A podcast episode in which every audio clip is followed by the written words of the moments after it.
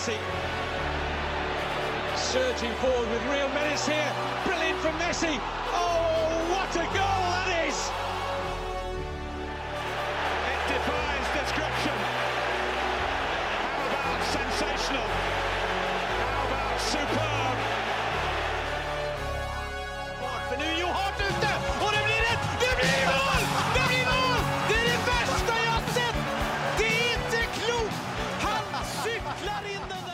Ja da! Velkommen til episode 231 av den eh, vidunderlige fotballpodkasten 90 minutter.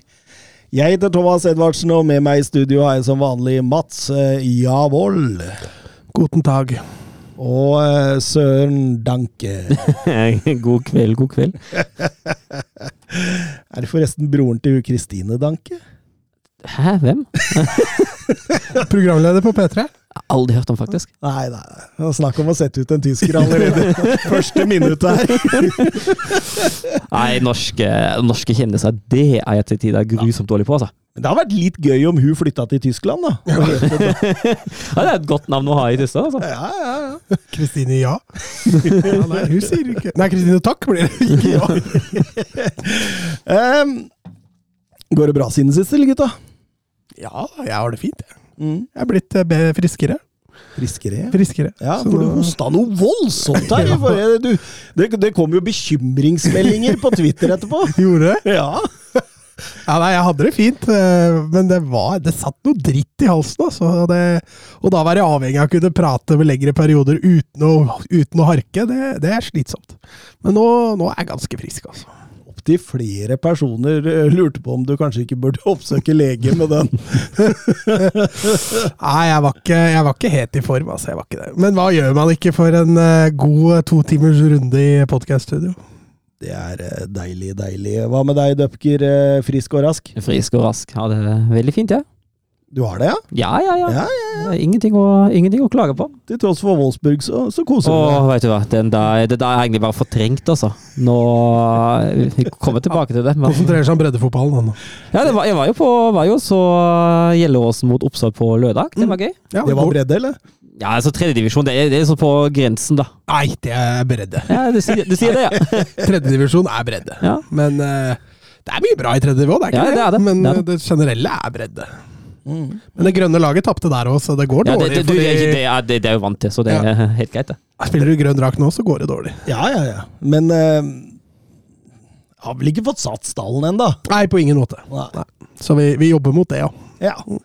Um, vi bør ikke bruke så veldig mye tid her, men uh, Torjus Hansen hadde en, uh, hadde en eh, fin en her. Uh, hvilket garnityr foretrekkes på en god ostepølse innpakket i bacon? Vi kan begynne med Søren. Ja, det er, det er jo sånn spørs om ketsjup, sennep og majones og sånne ting, ikke sant? da? Ja, Majones? Ja, det, I i Tyskland er det ikke så uvanlig at man har majones Nei, jo, til pølse, jo. Ja, Men majones-majones, eller har dere noe sånn annet? Nei, på pommes frites er det gjerne majones i Tyskland. Jeg, jeg, jeg spiser ikke majones. Jeg liker det ikke. Men uh, Volkswagen har en fantastisk ketsjup. En sånn uh, krydderketsjup med, med curry. Den uh, passer helt gull til Så pølsa. Volkswagen ketchup, Den fins. den har de ikke fått ut i resten av verden. Nei, og det er jo en skandale, så den, eh, den må jeg jo kjøpe masse av når jeg er i Tyskland. Fordi den Kan du ikke ta Kan du ikke ta med noe? Jo, jeg kan det. Ja, ja. Ta med neste gang jeg har deg. Jeg tar gjerne en, Har du en Volkswagen sender på, eller? Nei, kun ketsjup. Og de har Volkswagen currywurst, men den holder seg ikke hele veien fra Tyskland til, til Oslo. For jeg, jeg har vel vært inne på det før, at currywurst er jo en av mine Det er, det er, så, det er så nydelig, altså. kjepphester. Ja, Innad i matveien. ja. ja. ja nei, nei, aldri si nei til en kjepphest. Nei, eh, hva med din eh, ostepølse, Mats? Uh, nei. Ostepølsa mi Fra kjepphest til ostepølse. Nei, altså Det er veldig sjeldent jeg spiser en bacon-ostepølse på, på Esso. Altså, det er ikke ofte. Men når jeg først gjør det, så Jeg er veldig, veldig mainstream. Altså, det er ketsjup og sennep og rekesalat. Det er ikke noe ja. Åh, ja, men rekesalaten er ikke dum. Nei, og det må Jeg vil gjerne ha det. Så det er gjerne det som frister like mye som selve pølsa, faktisk. Men sånn hotdog-dressinga oppå Nei, det blir så det blir, altså, Du må passe på at det ikke blir for mye. mm. Altså, dynke pølse Det smaker alt annet enn pølse. da. Ja, ikke sant? Så du vil ha smaken av pølse? Jeg vil ha smaken av pølse. Ja, det, det er godt at vi har det på tape, Mats. Da skal ikke ha noe hotdog-dressing på den pølsa, nei. Nei, nei, nei. Nei, altså Jeg er jo en uh, sucker for uh, det, det går ikke an å snakke Du er, pølse! du er sterk på ordspill nå, ass! For denne currywursten til, til Søren. Dette går bare dårligere og dårligere! men eh, men eh, i, i, i norsk eh, norske farvann der, der, der går det mest i, i det samme som deg, faktisk. Ja, Ja, ja. og den, eh, Jeg er litt enig med deg i forhold til den hotdog-dressingen som kom, eh, kommer på banen her òg, for den, den, gjør liksom ikke nytta. Nei. Så da Nei. Men uh, ta gjerne med noe Volkswagen uh, curryketchup, altså. Ja, jeg gjør det. Ja, men jeg har ikke skjønt når du drar på Essoen, og så kjøper du bare sånn wiener i lompe. Ah. Det er tynn suppe, altså! Og, Og så bruker, ja, Greit, det er mye billigere, det, den ser jeg jo, men Altså, da kan du like gjerne kjøpe en Toffin, altså. Ja, ja. Og så, eh, så er det litt sånn morsomt, på en måte Altså, når du lager deg pølse i brød hjemme, så tar du inn gjerne en tre-fire, ikke sant? Mm. Men eh, det gjør du aldri. Du kjøper aldri tre-fire på Esso. Nei, nei, nei. Så det er liksom morsom, den der eh, greia der. Fordi da føler du på Esso, så, så holder det med én. Ja. ja, men det, jeg føler Altså, jeg, jeg spiser jo Jeg kan fint finne på å ha en kveld jeg spiser pølse i brød til middag, men der trenger jeg jo tre-fire, som du sier. Men eh, når, jeg, når jeg skal til Esso, så er det jo Altså, det er jo fordi jeg er egentlig i en nødsituasjon der jeg faktisk trenger noe mat i magen, og så, og så holder det med det. Men da holder man heller ut til man, eh, til man er et annet sted igjen, da. Og så skal det legges til at denne podkasten er ikke sponsa av Esso. Nei, men Grunnen til at jeg brukte Esso, jeg har Esso-kort, så jeg, jeg fyller ofte på Esso. Eh, Det var derfor jeg brukte SO, for eksempel. Kunne jo brukt 7-Eleven. Ja, kunne brukt hva som helst, egentlig. Men det som er dritt, er at de ikke selger sånne typer pølser i butikken. Ja, Mm. ja sånn innpakka Ja, bacon. ja, ja, men også sånn ordentlig sånn tjukke pølser. Ja, sånne tjukke, deilige Ja, ja, noen tjukke, deilige Ja. pølser. For det får du ikke i butikken. vet du. Det kommer jo egetlaga fra Leif Vidar, eller hvor de får tak i dette fra. Det, jeg kunne godt tenkt meg sånne pølser hjemme. Ja, ja. Nei, men uh, vi er ingen uh, pølsepodkast, så kanskje vi skal bare dure videre, Døpker? Ja, fotball er fin, det. Balotelli, Aguero!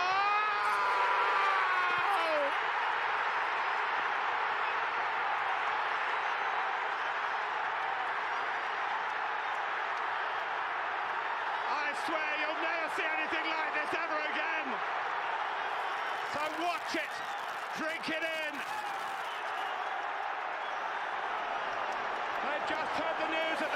Ja, vi begynner på Goodison Park mellom eh, Everton og Tottenham. Everton inne i en tøffere periode nå. Eh, Tottenham tok seg forbi Villa og inn i topp fire i, i midtuka. og starter strålende med Drikali som mål der, og, og setter liksom på en måte presedens for kampen fra start av. Ja, og altså fint mål etter over 30 trekk, var det vel? Uh, nydelig spilt av Tottenham. Uh, er jo sånn i den perioden de etablerer seg som det beste banespillerlaget der. Jeg syns de første to-tre minutter så står jo eh, to kanskje, står Everton uh, Everton veldig høyt og aggressivt. Eh, men uh, det tar ikke lang tid før Tottenham tar over banespillet og lar ballen sirkulere. Eh, og første konsekvens i C er jo 1-0. Og det utviklet seg jo også en kamp der i hvert fall de første 10-15-20 uh, Tottenham nei, 15 kanskje styrer mest av banespillet før, før Everton kommer seg litt bedre inn i det. Og da skal det kriges, Mats, for å komme inn i denne kampen her. Ja da, og der er jo Everton, eh, Everton gode. Eh, det er litt sånn som jeg Søren innpå der. Det er litt overraskende. De går veldig hardt ut der og skal dominere fra start av, og så mister de initiativet såpass enkelt. Da. Det er ofte bare én feilvendt rettvendt, og så er Tottenham nesten igjennom. Eh, de, det er litt risiko i det de driver med. Og blir jo, blir jo straffa tidlig der, men jeg er altfor kudos til Everton, som krig, rett og slett kriger seg inn igjen i matchen. Og fra kvarter 20 minutter og ut, så, så skifter det lite grann. Mm. De får 1-1 etter en dødball. Eh, Vi får et spørsmål der fra Gustav Horndal. Skal det være lov å gå i keeper uten å være interessert i ball på dødballer nå? Det blir spennende å se dommere i Premier League følge dette opp eh, fremover. Ja, vi hadde jo en lignende situasjon med, med Diaz og Vicario forrige uke i uh, ligacupen, men jeg syns den har fremstilt seg litt annerledes, da Diaz egentlig sto mest, mest i veien for Vicario. Så går jo Harrison har aktivt inn i keeper og forstyrrer. Og det var jo to hjørnespark uh, tidligere uh, for Everton, og den ene, da står han jo også der. Eh, og da la dommeren det gå. Så er det en da han blåser på angrep på keeper, etter min mening også helt riktig. Og så er det en til uh, da Everton får en stor sjanse rett før pausen, uh, da Vikario redder. Da, og da han også bare står. Og jeg synes det er liksom det som er forskjellen. Å bare stå der og bli stående, så er det helt greit. Men Mm. i den ene, en situasjonen så syns jeg ikke han gjør det. Jeg syns jeg at han aktivt går inn i Vikario og hindrer han i å kunne nå ballen, og da mener jeg at det er frispark. Ja, fordi det, det jeg har problemer med her, da, Mats, det er jo det at Harrison er jo bare interessert i å gå i vikario. Det er jo ikke snakk om å prøve å nå noe ball. Og det er her jeg sliter litt. Og, og det, det, det er liksom hensikten med bevegelsene dine foran keeperen. Eller om du bare står der for å hindre. Jeg synes det, det er en sånn der avveining der, og, og som Gustav er inne på, det, det, det blir spennende å se om man følger opp dette her. fordi da setter man jo egentlig en helt ny presedens i fotballen som vi aldri har sett før. Men fant du ut om keeperen var freda innafor femmeteren? eller? Jeg, jeg fant en sånn artikkel på nederlandsk der det påstås det, ja. Ok. Ja, for hvis keeperen er freda innafor femmeteren, så er det jo greit. Da er det jo Ja, Men de er jo freda uten å være freda, tror jeg, da. Ja, sånn Normen er at de er freda, ja. Men det er ikke noe, jeg har aldri sett noen regel på at keeperen er freda innafor femmeteren. Men uh, uansett, altså, hvis det er en obstruksjon, så er det jo frispark sju av sju ganger i uka. Uh, men det at, at en, en spiller må få stå i nærheten av keeperen og gjøre seg større uten å aktivt hindre keeperen, da, uh, så må det jo være lov. Mm. Men eh, Jeg er i hvert fall glad VAR ikke gikk inn. Ja, Ja, det- og det, det det skal de jo heller ikke. Eh, såpass Og jeg, jeg kjenner jeg ikke bryr meg her så lenge det blir en rød tråd. Det er, fordi de kan gjerne få lov å utfordre keepera litt eh, i feltet. Men da må det skje over hele linja, og det, jeg, jeg tviler på at det gjør det. Men med Vicario ser det ut som at det er blitt en taktikk nå. Uh, han, jeg syns jo han, eh, han blir markant dårligere bare han har noen i, uh, i uh, nærheten der, uavhengig av om han går, går i eller står. Mm. Og, og når det har blitt 1-1, så fortsetter Everton å krige, men det er jo Tottenham som leder inn til pause. Nytt mål av Rikarlison, selvfølgelig. Det er da sine egne man skal ha det. Ja, men han er jo i strålende form nå. Han har jo virkelig funnet målskåreren i seg og, og blir satt opp i gode posisjoner. Du ser det også på den goalen her, hvordan han starter bevegelsen inn og stopper.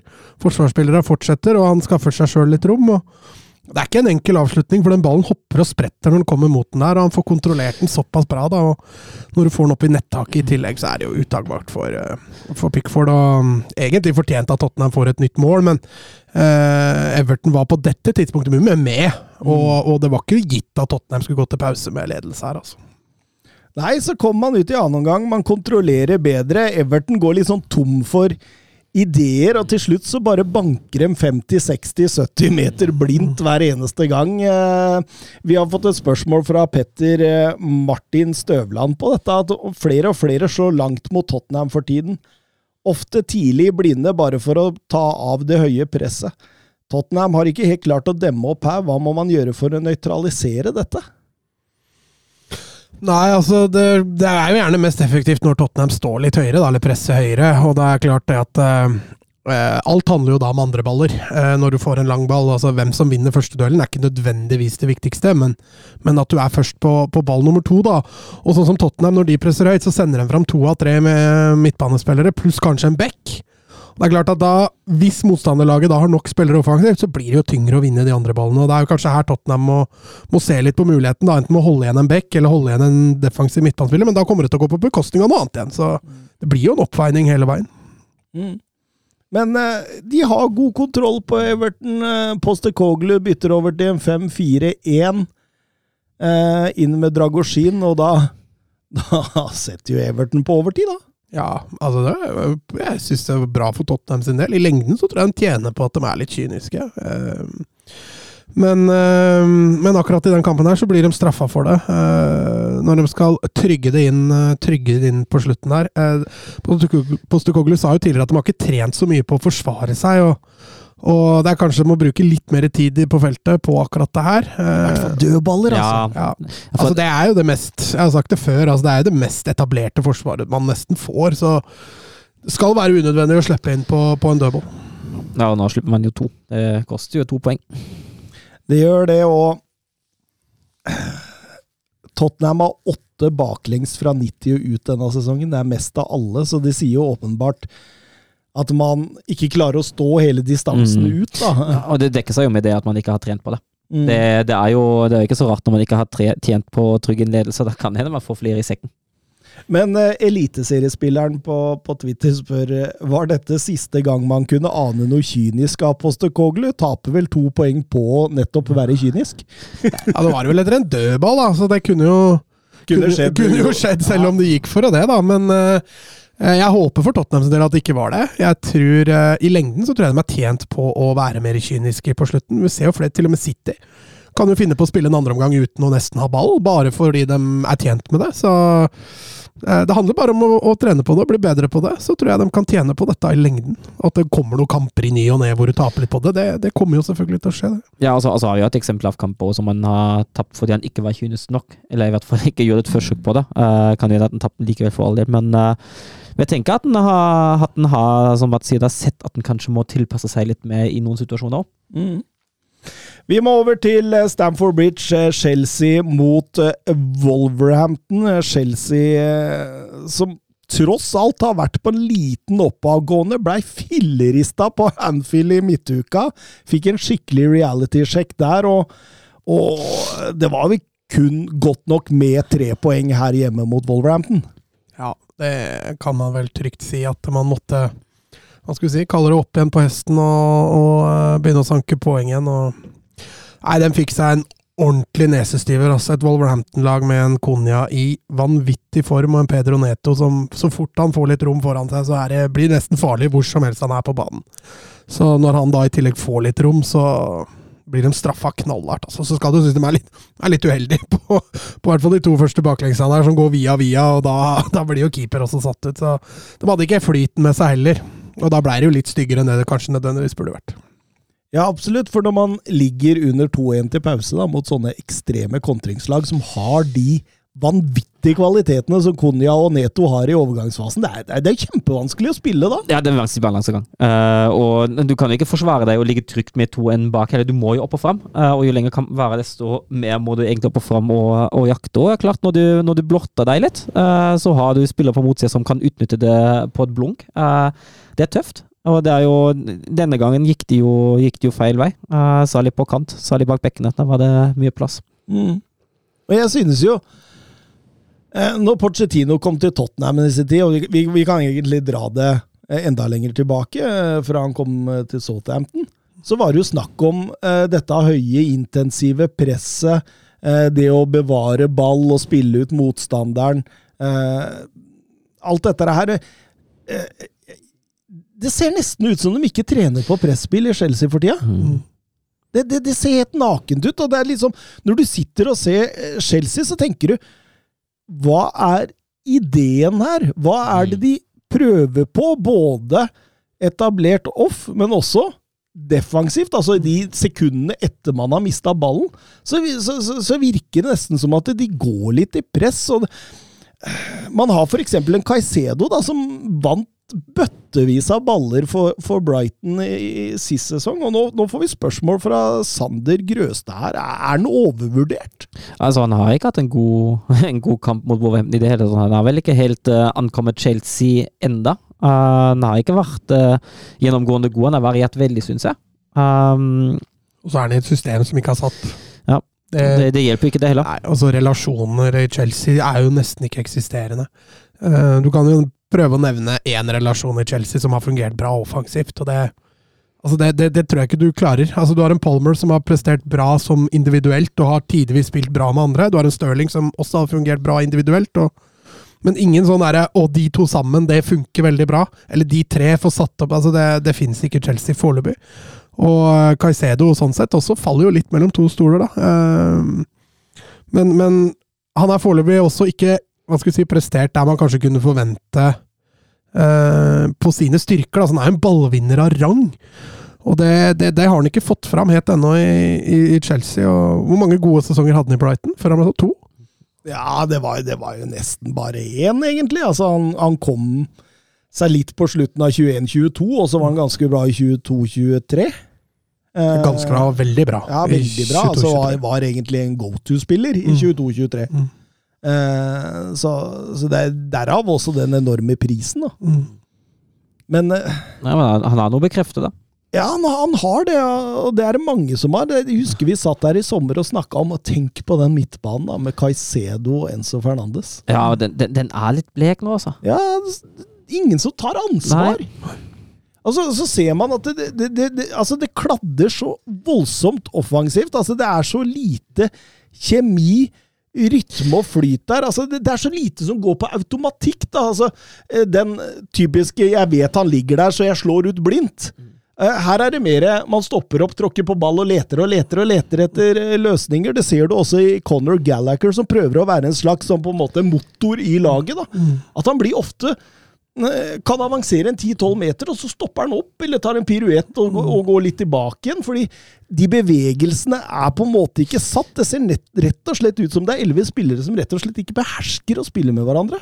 Så har du nå en spiss da som kommer inn. Han starta vel sin første kamp nå, offisielle kamp for Chelsea, så ja, I hvert fall i Premier League. Så, og han veit vi jo kommer til å bli bra. Men eh, ja, Konja vasker jo egentlig gulvet med Remia noen gang. Ja, Neto og Konja. Uh, Konja er jo den som uh, fullfører, Neto er den som gjerne assisterer. Uh, den duoen da får de aldri koll på, uh, og da, da blir det stygt. Og Fjerde spilleren Fjerde spilleren i Premier League-historien som skårer hat trick på Stamford Bridge mot Chelsea. Er det quiz? Ja, dere kan gjerne prøve. Ja, har du de tre andre? Ja, faktisk. Thierry Ari? Nei. Wayne Rooney? Marcus Rashford? et- et- Jeg trodde du kanskje du visste noe, ja. nå, nå, nå bare ramser du opp masse Det er avansert, avansert gjetting her, ja. Bergkamp? Er det- To av dem spilte for Arsenal. Robin van Persie? Ja. Chess Fabregas? Nei, og Arshavin! Nei. Mot en lang nigerianer. Uh, Kanu. Yes! Og så en uh, legende nummer ni i Manchester City. Aguero. Aguero. Der har dere alle. Tiago Silva skårer et trøstemål mot eh, slutten, men eh, ja Egentlig så er Wolverhampton nærmere 2-5 også på overgangen etterpå. Um, Jørgen Nystuen, det var flere sanger om Mourinho og Abramovic på Stamford Bridge i går. Hva tenker dere om det? Jeg tenker at, jeg tenker at det, det er jo to ting. Altså, en er jo den åpenbare misnøyen med situasjonen nå. Eh, det betyr altså at Chelsea-supporterne forstår at problemene går litt dypere enn de elleve som er på banen. Det er det har blitt gjort dårlige avgjørelser på topp. Om man da må synge etter Abramovic og Mourinho, det er et helt annet spørsmål. Um, for da, da, da ligger det veldig mye klubbromantikk, da. uh, for et savn Chelsea-supportere. etter bedre Ja, tider. ja, ja det, er jo, det er jo det det er, men uh, jeg, jeg tør påstå at uh, José Mourinho i uh, 2024 ikke hadde hjulpet Chelsea noe voldsomt til. Wow, han hadde tatt et trofé han i løpet av et år. Ja, men fordi Alba spør på Twitter her, men hvem hadde vært en god match for Chelsea? Ja, det er liksom det, da. Så nå har jo Chelsea valgt å, å gå for noe utviklende. da. Uh, Ja, Potter, det funka Ja, ikke. ja. Pochettino, det ser ut til nå begynner å miste grepet. Ja. Må de ha inn en Angelotti-type, liksom? Altså En som bare kan gå inn, være autoritær, være Altså Som er en vinnerskalle som bare skal ha kortsiktige resultater her og nå, liksom? Er det det som er veien å gå? Da Blir det Mourinho, da? Ja, jeg, vet, vet men jeg, jeg, tror jo, jeg tror veldig mye handler om at altså, Skal jeg ikke frita Pochettino for noe ansvar, her, altså, men når du bygger opp en tropp med så åpenbare mangler, og så forventer du at en trener som er utviklende, skal få noe ut av det. Og Jeg er helt enig i manglene som vi er inne på. Altså, du er inne på det presspill og samhandling, og ingenting funker. og Det er treneransvar. Det kan man få bedre til, uavhengig av hvilke spillere man har tilgjengelig. Men likevel, altså det, det å tro at man har den filosofien at nei, man, man kjøper bare han der, for han har vært god i Sjakta Donetsk og, og koster litt penger, eller, eller han andre som, eh, som skårer masse i Leipzig og alt det der, og prøver å røske sammen et lag som virker å, å være satt sammen uten noe mål og mening og noe klar filosofi, da. Da blir det vanskelig for enhver trener å gjøre noe med. Altså Det viktigste er at man finner egentlig ut uh, hvor, hvor hvor skal vi, og hva, hva er det vi har, og hva trenger vi, og hvordan skal vi komme oss dit vi, dit vi skal være? Og det er jo Det er jo ikke umulig å rette på det på forholdsvis kort sikt, det her, altså. Og så tror jeg det handler litt om om at man er litt sånn identitetsløs. Altså Hvis, hvis dette hadde vært Postekoglu i Tottenham, da, så ser du hva er det man vil. Hva er det man prøver på? Ok, man skal utvikle dette. Man har en klar på en måte plan på hvordan man skal kjøre løpet, mens her så virker det der litt mer i tåka. Mm. Det er derfor jeg også tenker litt sånn, er litt sånn skeptisk i forhold til en, en Angelotti, da. Som er veldig Ja, ja, han har en god lederstil, ingen tvil om det. Men så er han veldig flytende på banen. Han overlater mye ansvar til spillere ute på banen. Uh, så jeg er, mer, jeg er mer for en Mourinho enn en, en, en, uh, en, en Angelotti. Nå har vi hatt Mourinho 2-0. Kan vi få en Conte 2-0? I Chelsea? Ja, men jeg heller mer imot en sånn, altså en sånn autoritær som har en tydelig filosofi. da, Sånn skal vi spille.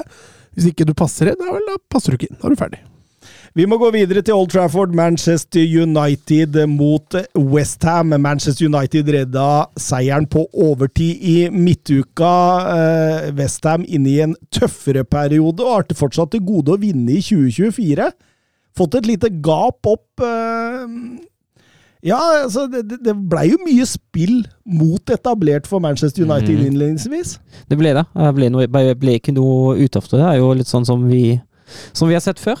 At det er, det er ikke Uniteds sterkeste side, altså. Å stille, spille mot etablert forsvar. Og det viser de i den kampen her òg. Kladder mot etablert. Altså, det- nå, nå er jo at the end så virker jo alt eh, topp 3-0 og alt mulig sånt, men det, det kladder i Ja. den type altså etablert offensiv. Ja, og du, du ser det jo også på, på scoring. ikke sant? Altså, den ene blir tatt sånn halvveis i ubalanse fordi Casemiro vinner den høyt, og så er det individuell klasse av Høylund som, eh, som gjør 1-0. Fire på de fire siste. Ja, og, og den, den skåringa der, den er, den er klasse, altså. Uh, Eh, For, forresten, før du går videre, Ja. er det li- litt funny, hør nå. Uh, Høylund skårte jo sitt uh, fjerde mål på sin 21-årsdag. Jeg, jeg fant noe morsomt fra opp der. Høylund er kun den andre spilleren i Premier League-historien som skårer på sin 21-årsdag. Oi. Det var Noel Whelan for Coventry i 1995, som var den første spilleren i Premier League som skårte på sin 21-årsdag. Og det som er litt gøy, det er at eh, Noel Whelan klarte heller ikke å skåre på sine 14 første Premier League-kamper, akkurat som Høybjerg Høibjerg, nei, Høy, Høylund, men skårte tre på rad etter det. det, er- det er kult. Det, det er en kul statistikk. Det er ikke alle som får lov å spille på 21-årsdagen sin, da. Nei, nei, men, Neida, det det men det, altså, man skulle jo tro at i, uh, i 30 år Premier League at det er den ene eller andre som uh, har anledning der, Også. det bør ha vært noen. Ja, det bør jo ha vært det. Um, nei, men, men det er liksom det, da. Altså, altså på to altså Det går jo det går litt sånn på at Ganacho settes opp i en posisjon der han skal kunne utfordre, ikke sant? og så er det litt sånn en blanding av individuell klasse og flaks at den går via Aguero inn. altså Det er, det går litt sånn, det går ikke sånn på sånn faste spillemønster, det går litt sånn på at de har den kvaliteten som de har. Uh, og eh, ja, det, det, er ikke noe, det er ikke noe system satt offensivt uh, bra, det her heller. Nei, altså, utover de tre måla de skårer, så er det vel Altså, jeg, jeg, jeg sliter litt med å finne en åpenbar Mm. skåringsmulighet. Ja. Og uh, X-kampen blir faktisk vunnet av, eh, av, av uh, Westham. Mm. Men, men, men det som er bra her, det er jo hvordan man får satt det, det defensive. Mm. Fordi eh, Manchester United produserer ikke veldig mye målsjanser, men Westham gjør jo heller ikke det. Det er jo stort sett dødballer de skårer. Ja, det, det, det er dødballer. Og så har de jo noen nestensituasjoner uh, da, da de blir løpt opp eller, eller takla i eh, siste sekund. Men uh, enig, så Maguire har jo sin, eh, sin typiske Maguire-blemme, eh, for all del. Men, eh, men utover det er jeg helt enig. Det ser, det ser jo bra ut defensivt, i hvert fall. Ja, eh, men det er vel kanskje der man må begynne, da, for å sette, sette laget, Mats. Jo da, men United har jo kanskje imponert mest defensivt i år, sånn, sånn rent posisjonelt. eh, I etablert def, i hvert fall. Eh, så det er jo ikke der skoen føler trykker mest. Altså, og så skal det jo sies at etter min mening er det jo den beste defensive midtbanen de kan stille med nå, med, med Maino og Casemiro. Mm. Ja, ja, helt klart. Yeah. Og, og, og Westham er offensiv prega her av at uh, Paqueta og, og Antonio ikke spiller. Mm. Det er ingen tvil om det, så de, de får en relativt billig reise, men de, de likevel det, det, det er noe solid over dette, i hvert fall, da, uten at man på en måte må dra skinnet av pølsa av den grunn. Mm, av, av grillpølsa, ja. Ja, ostepølsa vår. Ostepølsa, ja. Med curryketchup. En Currywurst, ja. Eh, Volkswagen ketchup. Eh, nei, men, Garnart, eh, ja, men etter at Garnaccio setter 2-0, så føler jeg at nå er det, nå er det sett, liksom. Jeg jeg syns United egentlig har ganske god koll på det. Mm. Uh, janteloven på Twitter. eh, Manchester United har sju mål på to kamper nå. Høylund med fire, og i hvert fall én assist på de siste fire. Kan vi si at de har våknet opp offensivt, Uh, og hvis ikke Martinez blir skada over tid, er det lov å håpe på topp fire? Jeg syns dette er lovende, skriver han. Nei da, altså United har hatt eh, god flyt nå. De leverer gode omganger. Eh, Det er ikke lenger bare korte perioder. Eh, Så skal vi jo ta høyde for det de gjorde mot Wolverhampton. Den andre omgangen de hadde der, den var ikke, ikke imponerende i midtuka. Og, og, og Westham med litt mer dyktighet og flyt, så hadde jo det også fort sett annerledes. Jeg, jeg har ikke lyst til å friskmelde United sånn helt ennå, men det ser veldig lovende ut i form av Høylund, som nå leverer på, på hva skal vi si, ukentlig, ukentlig basis. og Fortsetter man det defensive, at man klarer å opprettholde en defensiv trygghet, da, og Høylund skårer ett mål per kamp, så er du antageligvis i hvert fall sikra ett poeng. Eh, så det går jo i hvert fall an å bygge videre på. Og så må man jo i større grad greie å hekte på Altså Rashford burde begynne å levere mye tryggere, eller i hvert fall jevnere, eh, enn Bruno Fernandes. Savner man fortsatt. Altså, han burde jo ligge på ett målpoeng per kamp, egentlig. Der er jo ikke han helt ennå.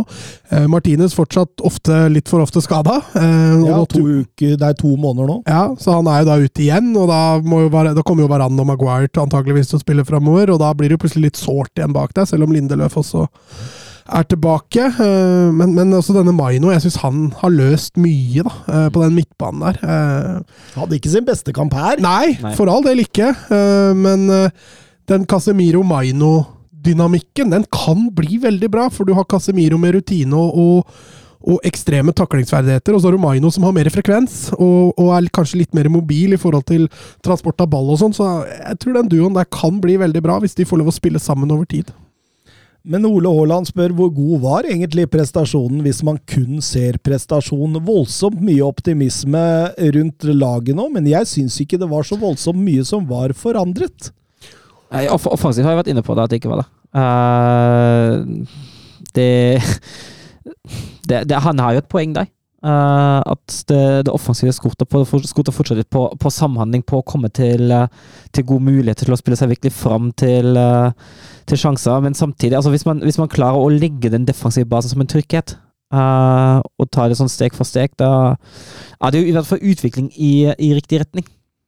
Stakkars Calvin Phillips, også, som kaster bort to poeng for Westham mot eh, Bournemouth der eh, i sin debut, og, og nå så gir han bort ballen på 3-0 også. Det har vært en voldsom start.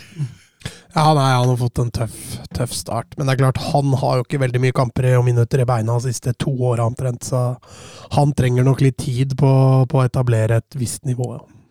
Janteloven er Kobe Maino det største talentet Manchester United har hatt i dette årtusen. Eh, Kjøpte talenter som Rooney og eh, Ronaldo må ikke telles med. Eh, Pogba snakker vi ikke om. Men det er lett å bli historieløs, sier han. Ja, han sklir jo greit over Rashford der, da. Han er vel Bør jo være Kanskje hakket over òg. Bør vel nevnes i den sammenheng. Garnaccio, teller han, eller? Han må telles. For han også er jo Har jo vist seg å, å være brukbar. Ellers er det har, jo, har de jo produsert bra med talenter. James Garner i Everton òg. Er jo begynt å etablere seg øh, høyt opp, høyere oppe nå. Skal bli spennende å følge Isak Hansen Aarøen i Verde Bremen.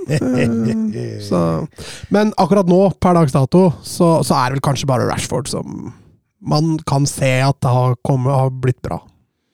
Man husker jo Altså, nå strør jeg vel salt i sår for United-supportere, men husker dere Federico Makeda? Mm. Var vi rundt 08-09-10 cirka? Han var god eh, Et kvarter. Gode kvarter, ja. Eh, Det har også Maino vært, man må huske på det. I en veldig sånn eh, Litt sånn innvikla, vanskelig posisjon. Ja, Så, og- så dette Det vil svinge, altså. Han vil ikke Mm. levere Wolverhampton-kamper eh, uke inn og uke ut. Nei, men, men samtidig syns jeg altså det er Det er et godt tegn når laget er egentlig en tung periode. Eh, og så klarer likevel en ung spiller å stå fram og gjøre det bra. For det er vanskeligere enn å være bra i flyt og flyte litt, eller surfe litt på bølgen og lage uansett A inn i en, i en god periode. Uh, det er betraktelig vanskeligere å gjøre det bra i motgang for en 18-åring. Uh, så det syns jeg er veldig veldig lovende at han står fram i en periode der United virkelig sliter. Og så er jeg helt enig, altså Det er en meget sentral posisjon på banen. Den er vanskelig å spille, og som ung spiller han kommer til å gjøre feil. Og han kommer til å, til å lære av det òg, men eh, ja.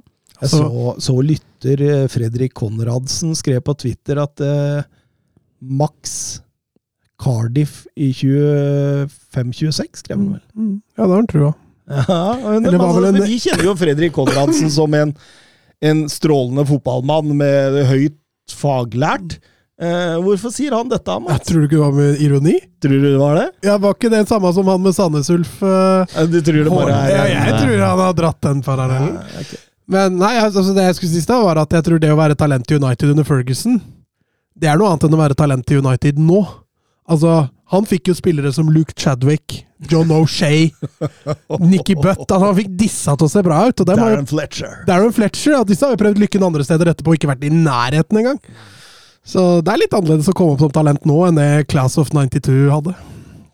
Absolutt. Vi må over til helgens toppkamp i Premier League. Nummer tre mot nummer én, og det 200. ligamøtet mellom Arsenal og Liverpool. Ting tydet på at Arsenal var litt på vei ut igjen av den svake perioden som startet i begynnelsen av desember. Eh, Liverpool i en vanvittig form, så man, man tenkte jo at dette ville bli en eh, en jevn og, og, og fartsfull kamp, men det blei vel kanskje ikke så jevnt? Nei, fartsfull ble den. Men det var jo Arsenal som, eh, som egentlig tok initiativ fra første øyeblikk eh, og bestemte hvilken retning kampen skulle gå. Det er intens presspill, bra presspill, eh, kombinert med en trygghet med ballen i frispillinga. Altså, man, man spiller jo av presset til Liverpool egentlig Det ser lekende lett ut, men det er så god posisjonering. Det er til tider one-touch-fotball ut fra bakerste lett og framover. Uh, og samtidig klarer man å, å sette et press som stresser Liverpool, som nesten ikke tillater Liverpool å etablere noe spill. De spiller på seg brutt på brutt i frispillinga, uh, og er egentlig tvunget til å slå ballen langt ved mange anledninger. Eh, og Asel har, har et voldsomt grep om kamp fra start, og tar også en helt fullt fortjent ledelse akkurat i en sånn situasjon der de klarer å spille av presset og avansere på banen. Fikk eh, Jørgen Klopp en leksjon av egen filosofi, Mats? ja, det kan du godt si. Han, øh, han fikk smake litt egen medisin. Ekstremt høyt press og hurtig angrep. Det Arsenal er i hvert fall utrolig dyktig på å utnytte rommet Liverpool etterlater seg, spesielt både i frispilling og, og kanskje også i det høye presset, for de spiller på seg flere stygge brudd altså i løpet av hele matchen, egentlig. Og man tenkte jo når man så Kai Havertz i nierrollen at dette, nå var han tilbake igjen der i Men dette er vel noe av det beste man har sett av Kai Havertz som en nier, selv om det ikke ble mål, så så er han jo et mareritt for van Dijk og Konaté hele matchen gjennom, egentlig. Og, nei, det stemte, var mye som stemte for Arsenal. Spesielt i første omgang syns jeg de er bra. Altså. Eh, Andre omgang så er, da syns jeg Liverpool er mye mer med, men eh, første omgang så Liverpool finner ikke ut av det høye presset. De nekter å bli direkte. Uh, mulig det er litt pga. Salah ikke var til stede, men uh, de skal liksom spille seg ut, og de går på en blemme etter den andre der. Altså. Ja, for Liverpool er heldige som går til pause med 1-1 her. Ja, ja. Det, at, altså, NN kommer jo på overtid i første omgang og har fått uh, sjølmål, og det er fullstendig mot spillets gang. Eh, det er jo Arsenal som egentlig kunne og burde ha leda med en ett år. Fantastiske Saliba og Gabriel. Det, der glipper det. Ja. Ja, først Saliba som skal skjerme inn til keeper der og miste kontrollen over Luis Diaz, og så er det Gabriel da, som slår ballen inn i, i eget mål. Så der er det både udyktighet og uflaks i Skjønn harmoni. Nydelig harmoni. Og, og det, dette er jo klart, altså, du, så, så, som vi er inne på. altså Arsenal soleklart best i første omgang.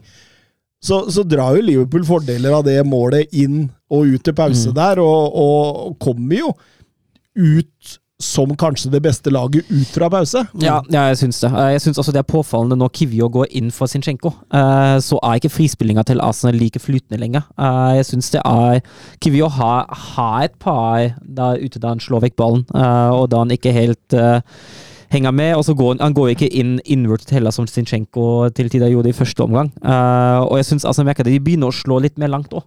I andre omgang at uh, det, er, det er et endret bilde eh, i det oppbyggende spillet med Kivio i stedet for Zinchenko. Du ser I første gang så er det var ganske jevnt fordelt i possession. I andre omgang så snur det litt, og Liverpool har en god del mer ball. Og da er det jo lett å tenke på tilbake til kampen på Anfield også, hvor Arsenal var totalt overlegne i første, og så snur Liverpool det annen. Og man tror jo nesten det når man ser de første 10-15, at det, ja, dette kommer Liverpool faktisk til å snu. Mm. Ja, og, og de, de, skaper jo også noen, noen gode skåringsmuligheter der, selv om, selv om Raja sikkert aldri blir helt testa. Så, så, er det Liverpool som etablerer press, og plutselig er det de som begynner med høye gjenvinninger. De får en del dødballer høyt i banen. altså de, de får satt spillet mye på, på Arsenals banehalvdel, men da går jo Arsenal litt over en sånn kontringsmodus. da, mm. Søren er inne på det. Det blir en del slått lengre baller. og Jeg tenker det er naturlig da, når du mister Zinchenko der. Du er nødt til å tilpasse deg. Uh, og så er det jo selvfølgelig en gavepakke da fra van Dijk og Alison der. Uh. Ja, verst av Alison, syns jeg. ja, han, men ja, mulig jeg, får, du, får, du, som er keeper, får si fra hvis det er feil, men jeg hørte du skal liksom, som keeper du skal aldri ut hvis det er en duell. Nei, du skal, du skal ikke det. Men samtidig så virker det som van Dijk venter litt på den. Mm. Ja, hvis, altså Man vet ikke hva de har kommunisert, men altså, når, du, når, du, skal ut der, så må du i hvert fall treffe ballen. da. Det var i hvert fall to av de tre viktigste brikkene i Klopp-æraen der som ga bort 2-1. Altså for det, det, er å gi bort akkurat ja. det de gjør der. og Van Dijk han sier jo beklager etter kampen og tar på seg skyld, han også. Men for meg så har Alison den største skylda der. Ja, jeg er helt enig. Men, eh, og, og da Det er jo klart at da det, det, da kan jo Arsenal bare fortsette ja, som de har gjort, ja, egentlig. Ja, og da, da, er jo Arsenal trygge. Jeg syns de er fryktelig trygge etter 2-1. Uh, eh, de ligger kontrollert og, og jakter den avgjørende overgangen, men altså, det er jo ingen sjanser som altså, McAllister har en avslutning, greit nok, men det er egentlig ikke noe stort som Liverpool klarer å produsere uh, i resten av kampen. Ja, altså, ja, Georginio plutselig så litt levende ut. Det er lenge siden jeg har sett han Såpass brukbar. Fått hvilt en ti-tolv kamper ja, nå, vet du. Har fått, fått en ti-tolv uker på benken, da. Det er sånn du bruker Modric i Real, vet du. Nei, Ibrahim, Ibrahim T får to gule. Jeg syns han var streng, altså. Ja, jeg, jeg, jeg, jeg, tipper at det er fordi Altså, jeg, tenkte kontring. Kontringshindring. Ja, men jeg syns Kai Havertz løper like mye inn i, ja, ja, i, i, Konaté som det er en obstruksjon. Jeg skal liksom litt til den kampen også i Spania etter hvert, men den der at uh, han som blir felt, han gjør så voldsomt mye ut av det. da. Eh, og det er jo selvfølgelig for å lure dommeren. Og, og når det er gule kort, så får ikke VAR gått inn og korrigert det, og da Nei, jeg, jeg, jeg, tror ikke VAR hadde gått inn der uansett, for det er sånn 46 ish. Og totalt sett så er det vel greit at Trossard setter 3-1 på overtid etter nok svak forsvarsspill av Liverpool og keeper Alison Becker, som ikke ja, men, kan se så ja, det, går jo via ja. van Dijk der. Ja, men det, du skal nei, ikke ha Det er så Det er, så, det er vinkel, vet du, Mats. Vinkel! Nei, helt enig. Altså, ja, men han da, går jo ned ja, i det skuddet går for å ta det skuddet, og så går han via van Dijk. Jeg syns det er maks uflaks at den går. Nei, jeg, jeg syns det er dyktig av Alison. Uh, altså, da skal han ikke åpne for at den går gjennom beina engang. Ja, men hvordan skal han ta den da? Skal han legge seg ned da, eller? Vi kan prøve ned på Li, skal jeg vise at jeg tar den. Er du van Dijk, da? Og så er du Alison? Og så er, er jeg Trossard? Er er det sånn du har tenkt å spille? Skal vi, skal vi rekonstruksjon, så setter vi men, men det, altså, det, For meg ser det egentlig ut som at den ikke er helt våken, at den er litt for treig, at, at, at, den ikke helt henger med. altså. Jeg er enig, altså. Den, den skal han ta. Men Liverpool taper sin andre kamp i Premier League denne sesongen. Begge tapa i Nord-London. Uh, Arsenal med en XG på 3,52 mot Liverpool. Det er det høyeste som har blitt registrert mot Liverpool i en Premier League-kamp, melder Oppga opp, Oppta. Oppga Oppta? Oppga, det Oppga Oppda. Eh, men eh, det var en feiring som blei eh, veldig diskutert. Henrik Pedersen, er det ikke lov å feire lenger, eller gjelder dette bare mot Arsenal? Ja, nei, det gjelder bare mot Liverpool. Ja. Skal ikke feire mot Liverpool. Da får, får du Klopp og Carriager og hele mafiaen på ryggen. Nei, altså, jeg, jeg beit meg overhodet ikke merke i det. Altså, Du har tatt en superviktig seier og holder deg inne i gullkampen. og betyr jo selvfølgelig enormt for både supportere og spillere og trenere. Det eneste lille jeg har der, det er den gestikulasjonen han gjør mot Liverpool-benken rett etter 3-1. Mm. Det syns jeg han kan holde seg for god til. Men bortsett fra det, så får han Men, men tror du det han gjør der, er noe som er i nærheten av kalkulert. Nei, altså Han mister nok alt av hemninger og sånn, det, kan- det kan sikkert stemme. Men jeg mener at som trener, da, det skal du holde deg Du skal klare å holde sånn. Ja, altså, du skal ha litt Det kontroll. blir litt Mourinhosk. Ja, altså Du skal stå der og juble mot Liverpool-benken, liksom. Altså, altså- jeg skjønner ikke det. Altså, dette har Arsenal på hjemmebane, at de feirer på sin hjemmebane etter å ha slått, eh, slått et annet topplag i en toppkamp. Altså, hallo. Uh, og så tenker jeg altså, Hvis det kommer fra Liverpool-leiren, det, da er det litt sånn rett i ræva som fiser, altså. men, men så tenker jeg også at uh, Arteta han har fått mye kritikk for oppførselen sin den siste tida. Han har fått en del haters blant de der såkalte pounditsa. På grunn av måten han er på, måten han svarer på. måten, altså, så Jeg tenker at det er, det er veldig lett å ta han. Men eh, hvis vi skal begynne å diskutere at man feirer ja, altså- ved, ved, ved en viktig scoring, altså, jeg, det, da er fotballen på feil Ja, altså, Da- Da er det flere ting vi kan ta først, ja. Det er riktig. Idrettsgreier er noe av det fineste jeg ser. Ja, Følelser i fotball. Ja. Altså, hadde vi ikke hatt det, da hadde det jo bare vært å legge det. Ja. Jakob Hoff, eh, Liverpool sjanseløse mot Arsenal her, men hva skjedde egentlig? Hvor trykket skoen for Liverpool? Å ja, den var flere steder. Eh, for, altså, Én ting er selvfølgelig spillere det mangler, men det er klart når du mangler en spiller som Salah, da, så forsvinner jo mye av kontringsstyrken. Eh, du har det relasjonelle som blir dytta litt på der. altså Du så Curtis Jones og Gravenberg. Det var, var ikke mye kreativitet de hadde på midten. Skulle gjerne hatt en Soboslai inn der. Ja, og skulle gjerne hatt en Tiago. Nå er jo han tilbake igjen. Det vil jo selvfølgelig hjelpe på. Og så en Joe Gomez på venstrebekken er jo ikke spesielt bidragsytende offensivt. En eh, Trent Alexander på høyrebekken har ikke blitt spesielt bidragsytende defensivt. Nei, så, så vi kunne jo godt spille for spiller, så ser man litt hvor skoen trykker. Når det gjelder lagmessig, så syns jeg Liverpool sliter veldig i frispillinga. De håndterer ikke det høye presset til Arsenal. Når det gjelder etablert off, så Én ting er når uh, det relasjonelle ikke sitter, da. Du får ikke, du får ikke det til å stemme offensivt. Så har Liverpool gode spillere nok til å kunne hva skal vi si, lene seg på enkeltmannsprestasjoner. da. I den kampen der så har de ikke det. Altså når Luis Diaz føler jeg liksom kanskje er den eneste da, som kunne gjort det, og når han da ikke får det til, så I tillegg hadde du, har Roma bak når presset ikke sitter. Eh, presset sitter ikke i første omgang, uh, og da er det store avstander. Um, særlig rundt forsvarsrekka. Uh, det er rom foran og det er rom bak, og det klarer Arsenal å utnytte. Absolutt. eh, Og så syns jeg det blei merkbart at man ikke har den balansespilleren. Jeg hørte kommentatorene skrøyt voldsomt av McAllister. Eh, og for all del, det er en god fotballspiller. Han gjør mye bra offensivt. Man klarer ikke å balansere den midtbanen. Ikke mot så gode offensive lag som Arsenal. Så kan det godt hende han klarer mot Luton, han klarer mot Westham, han klarer mot, mot Sheffield United, men i disse kampene her skinner det veldig gjennom at man ikke har liksom prime Fabinho i, i laget som på en måte kan ligge og, og, og plukke andre baller og, og strø og kontrollere. Så øh, jeg skjønner ikke helt det. Altså, McAllister gjorde ingen dårlig fotballkamp, han, men rollen han har, er litt feil til en. mm, det er for viktig. Ja, absolutt. Eh, Vebjørn Fredheim, Jørgen Klopp hardt ut mot dommeren etter kampen. Sist tapte Nei. i Premier League. Han var ikke det! Ville han ha omkamp? Hadde det ikke bare vært befriende å høre Klopp si 'i dag var vi ikke gode nok'? Ja, det, da, det der kommer jeg ikke til å savne med Jørgen Klopp. Å, herregud, jeg, jeg, er så, jeg er så lei det der. Altså, hva, hva, hva, er han ute på mot dommeren for? Altså, hva, vil han ha? Eh, hva, altså, de klarte det, det røde kortet mot Konaté to minutter før slutt, etter at de ikke har klart å produsere en puck. Eh, 11 mot 11 på 20 minutter. Er det det, er det det som er problemet hans? Jeg, jeg så han hadde mange eksempler, at den fikk kort og ikke den, Ja, og men den altså, fikk kort og hallo, ikke da. den.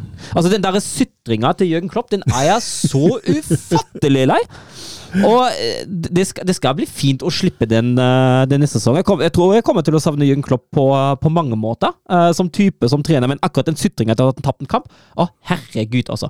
Og jeg er helt enig med, med Vebjørn Fredheim at ja, det hadde vært veldig fint å høre en side at uh, de var bedre enn oss ferdig istedenfor å skylde på alt. annet. jeg husker den perioden da, da skyldte på hva var det, gress, vind og stadionlys eller noe sånt. Altså. Jesus Christ, da. Jeg tror ikke engang de mest ihuga og minst objektive Liverpool-fansen våger å si at dommeren var skyld for dette tapet, Mats. Nei, eh, jeg ser heller ikke at han har gjort noe matchavgjørende feil her. eh.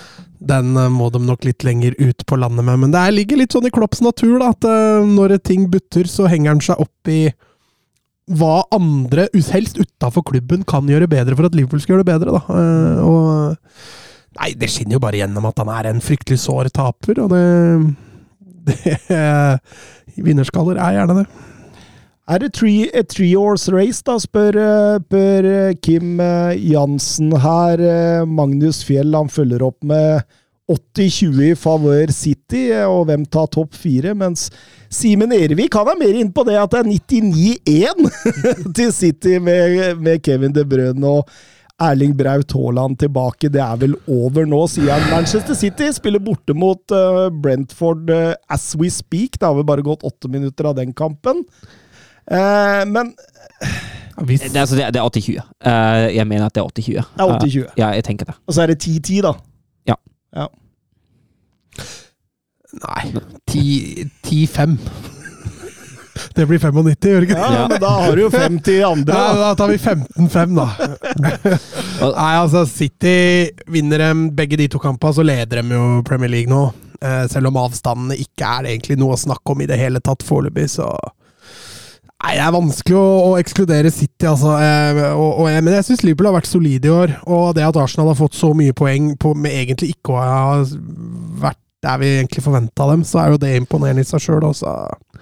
Nei, jeg holder fortsatt også City som soleklar favoritt akkurat nå. Når det gjelder topp fire, så blir det jo de tre. Så tror jeg det er Tottenham som tar den siste. Mm. Mm. Ja, for Villa dem vant 5-0 borte mot eh, Sheffield United etter en forrykende halvtime der. Ja.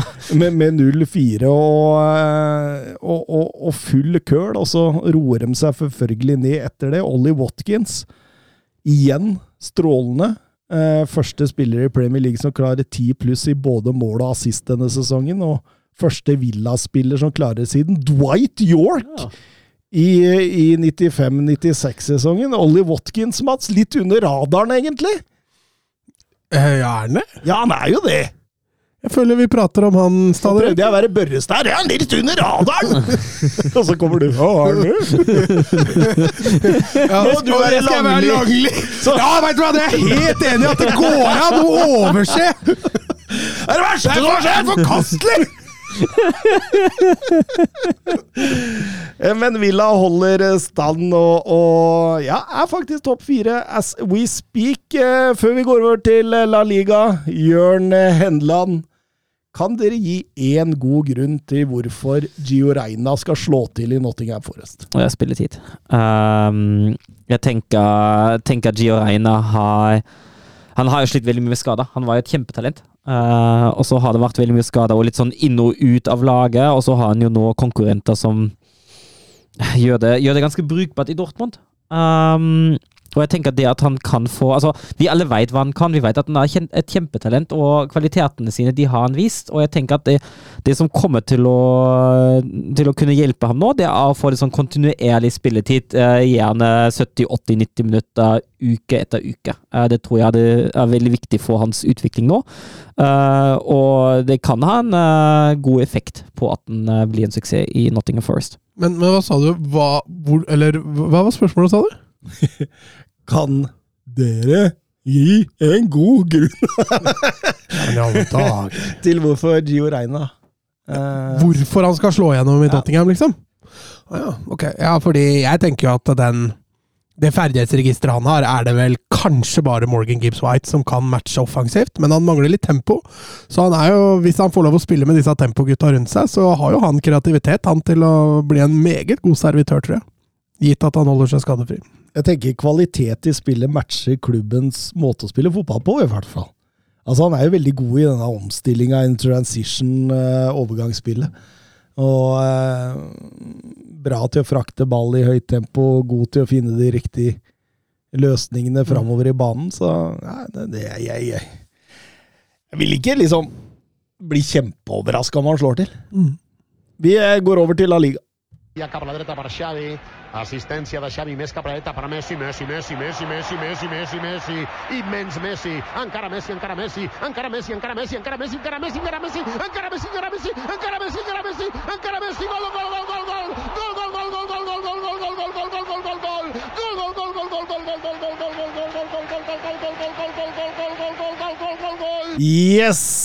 Da begynner vi med Alaves mot eh, Barcelona. Et Alaves som er i god flyt. Tre strake seire i La Liga. Totalt eh, fire kamper siden sist tap, og det var faktisk mot Real Madrid, så det var, det var ikke gitt at dette skulle være walk in the park.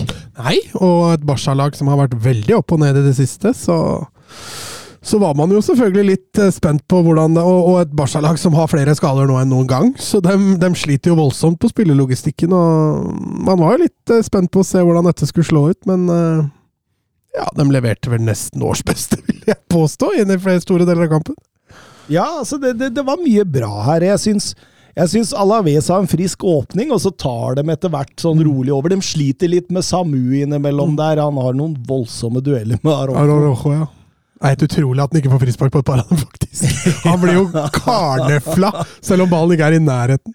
Men etter 1-0 med Lewandowski der, så får Barcelona vesentlig bedre kontroll på kampen. Og, og eh, ja, Alaves får ikke i like stor grad de brudda. Nei, og jeg føler jo det at Christensen inn i en sekserrolle her eh, Man var jo litt stuss over det, og man så jo første ti minutter kvarteret, og så tenkte man at dette kan bli stygt. altså her må man gjøre Men når Barca tar ledelsen, og de Jong og Christensen kan ligge og balansere, Gundogan får litt friere tøyere offensivt sammen med Pedri, så syns jeg det fungerte egentlig veldig bra. Eh, og Kubarsi og Arojo får den støtten som gjør at eh, Samu får ikke han får ikke så mye rom, da, verken forover eller bakover. Uh, så jeg syns det treffer Når man tar ledelsen, så treffer det veldig bra, altså.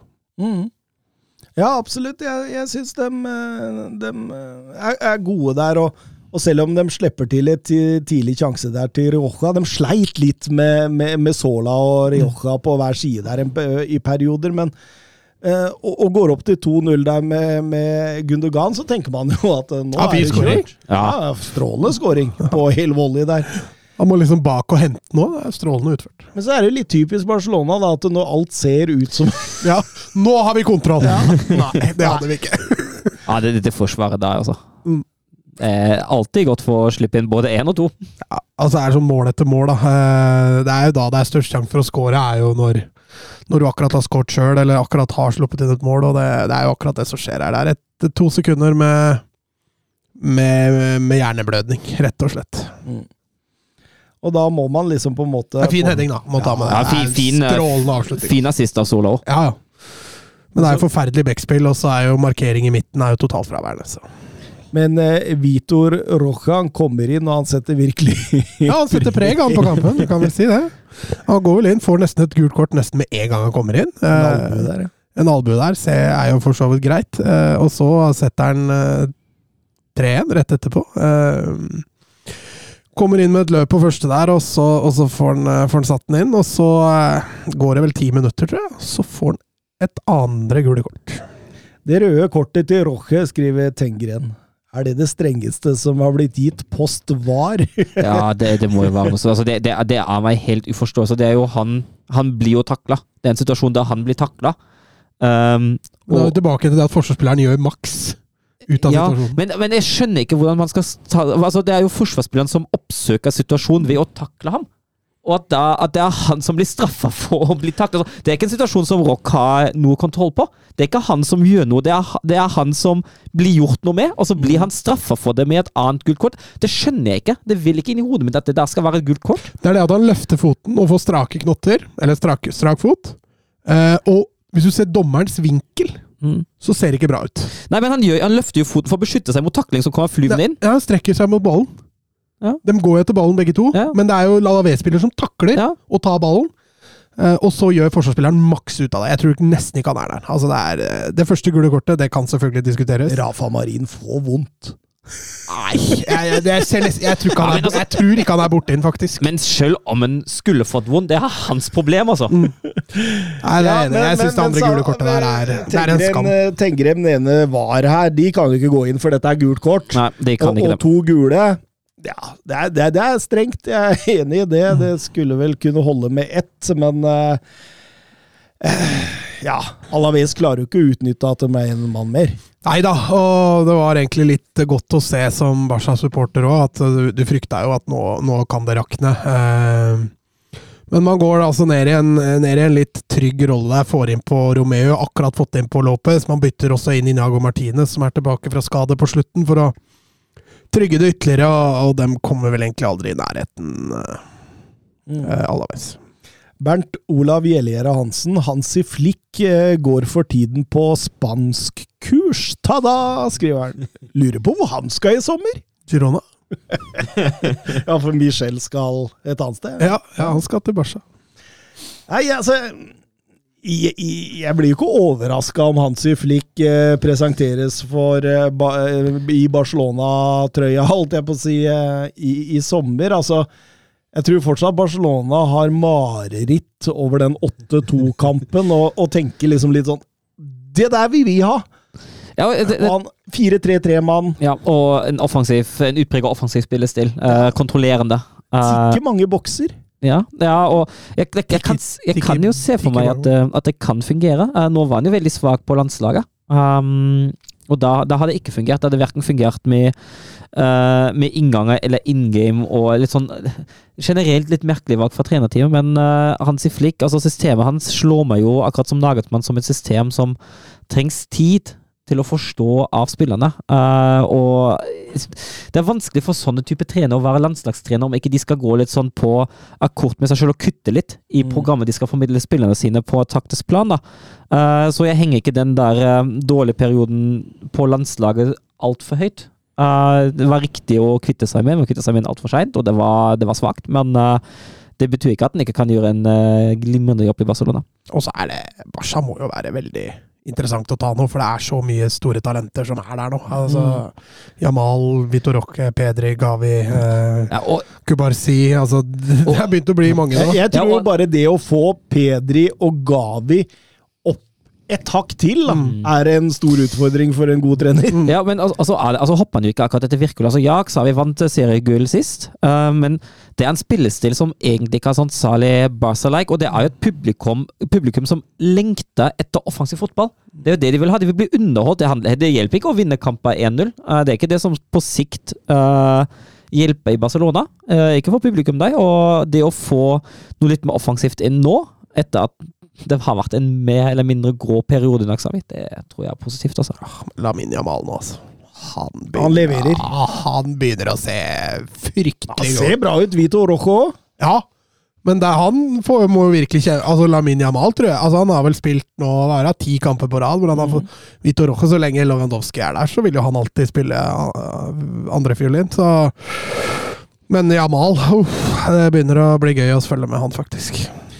Real Madrid, Atletico Madrid, El Darby Madrileño nummer 236 i rekken. Og i anledningen så har jeg tatt en liten uh, Madrid Derby-quiz oh, til dere. Ok, ok, ok. Shit. Tre spørsmål hver. Uh, det skal være mulig å, å, å få et uh, par poeng, i hvert fall. Det er, det er én som, som, kan være litt tricky. Til det. Det, det, er ikke, det er ikke min sterkeste side. Nei, det er ikke meg. Nei, nå må dere ikke være så beskjedne nå, da. Dere, dere, kan mye. Dere, altså, på sånne quizer så har man har bare alt å tape. Ja, det er helt riktig. Det er derfor dere senker Det er derfor, derfor må vi senke forventningene. Så. Ja. Søren, det begynner med deg. Ja. Eh, hvilken spillere har spilt flest Madrid-derbyer gjennom tidene? Åh, det er jo flere som, eh, som det, det, er jo, det, er jo, lett å tenke en av de store realgutta. Um, er det kanskje Raúl eller Adika Casillas? En av de to, kanskje? Jeg, jeg går for Casillas, jeg. Ja. Åh, har hun, eller? Eh, altså, jeg ville jo tenkt Ramos eller Kåke. Ta Kåke, da. Da ble det Sergio Ramos med 43. Mats, hvem er all time high toppskåreren i dette Derby? Oh. Uh, Grismann han var lenge borte, vet du. Jeg sier uh, Sier Morata har spilt for begge, kanskje det er, en for, er det en fordel, eller? Voldsomt mange kamper. Nei, jeg går for Raúl, Cristiano Ronaldo med 22. Herregud, Hele fem foran neste på lista, som er Alfredo Di Stefano. Um, Søren, hvilken spiller er den siste spilleren som har spilt for begge disse klubbene? Den siste? Altså, Ja, hva, mener du med den- siste? Altså den som har vært i en av klubbene sist, men som gikk fra disse klubbene. Altså som har vært i en klubb og meldt overgang til en annen av disse klubbene her. Ja, ok, Men ikke noe imellom, da? Ja, Og det kan være lån, det kan være alt. Å, herregud, lån, ja. ja. Da hadde jo sikkert noen. Uh, Å, herregud, det er jo lett å tenke Altså, Mor- Morata har jo hatt noe imellom. Han, han teller jo ikke fordi han kom fra Juventus, ikke sant? Um, det er jo lett å tenke Jorente, da, men jeg vet ikke om det stemmer. Har du den, eller? Ja, må Morata, eller? Sergio Regulan. Ja, Eh, Men, kan, ja, kanskje, jeg han, la var meg litt, på, han var jo på utlån. ja på utlandet. kanskje jeg la meg litt for høyt her, altså. Men uh, ja. Um, Mats, vi, vi prøver. Eh, Ja, det verste som kan skje, er at jeg svarer feil. Et tilsvarende oppgjør sist sesong endte 1-1 etter to sene skåringer av José Jimenez og Alvaro Rodriguez, men hvem fikk det røde kortet etter 63 minutter? Ramos var ikke der da. Nei. Nei, det må ha vært en Atletico Madrid-spiller. Ehm, ja, hvem var det, ja? Uh, Savic! Angel Korea. En hevn på Rudiger. eh, Søren, eh, siste spørsmål. Eh, Sist lagene møttes i Champions League, var tilbake i 2017. Ronaldo sikra da finale på Bernabeu. Men hva var resultatet etter den første kampen? Å, herregud. Uh, det var ikke mange mål, tipper jeg. Det er jo tross alt Diego Simeone vi snakker her. Neste, jeg skal lage en quiz for Thomas, bare neste episode. Ja. Så skal vi drite ut han nå, Det det her går ikke. Dette er- Vi dette skal lage en Tottenham-quiz, faktisk. det lager en Tottenham-quiz fra 1973. Altså, skal vi dette, se om vi dette, gjør er det. jo, dette er jo sju år siden. Hvordan skal jeg altså, Vet hva? Men, Jeg, men men, dette er, de, de to siste var de to vanskeligste, tenkte jeg. Ja, men altså, problem, Problemet med det første er jo at du har så mange til utvalg. Casillas, eh, Raúl, Ramos, ikke sant? Um, men eh, jeg vet du hva, jeg går for det klassiske resultatet som er 0-0. Ja. 2-1 til Atletico. Ja, greit. Mats, året før spilte lagene Champions League-finale på San Siro. Det ble 1-1 og straffesparkkonkurranse, men hvem bomma på den avgjørende straffen for Atletico Madrid? Så jeg den finalen? Jeg tror ikke jeg gjorde det, faktisk. Ja, hvem bomma på den, da? Skal vi svare mm, Det var vel ikke Kåke, han tror jeg ikke tok øh, Nei, 2016. Da var, jo- da var Grismann Jeg sier Grismann. Juan Fran. Ja, det var. Var jeg litt slem nå, eller? Ja, det syns jeg. Ja, Men jeg har minnet som en gullfisk, så jeg ja men du, du, dere pleier å være Ja, jeg, jeg, jeg, dere jeg, jeg, jeg, bør, jeg bør ha tatt Ramos, det er enig i. Ja, Eh, og Ronaldo, syns jeg. Det Ja, Ronaldo ja. var svak. Den, Den men var- altså, at, jeg, at jeg ikke tar Region, og at jeg ikke tar den 2-1, det kan jeg fint leve med. Ja, ja, ja, ja. Jeg er helt enig, men, men, men her dere Og, og her surrer dere litt sjøl med Ramos og, og, og Ronaldo. synes Ja, jeg. Ronaldo, den var veldig svak. Ja. Det var svakt. Jeg tar sjølkritikk på akkurat den. Så skal jeg ta sjølkritikk for å ha satt dere i en dårlig situasjon. der. Bare vent til neste episode, vi til Vigleda, si. Ja. Jeg, jeg, er- jeg er programleder, vet du, Søren. Skal vi høre hvem var siste Tottenham-spilleren som gikk direkte til Arsenal? Eh, Sol Campbell. Nei, det må ha vært en imellom. Det skal jeg finne. Jo, jeg skal finne det nå. Nei, jo, Nei! Han kan være noen juniorspiller eller noe sånt, men I A-lagsspiller så må det være Sol Campbell. Jeg kan ikke se noen andre, faktisk. Skal vi ta litt om kampen, eller? For Ja. den, den kan jeg nemlig. Ja, vi tar litt om kampen. Ehm, Ja, det, Ja, altså jeg, Inngangen til Real Madrid det er et spørsmål her fra trener og analyse. Er han litt feig? Er han, litt, eh, er han rett og slett litt forsiktig? Hva mener han med inngang? Altså kampinngang, liksom? Ja. Eller? Altså, jeg syns jo Real Madrid Altså, Inngangen dem har, er Carvajal og Nacho på stopperen.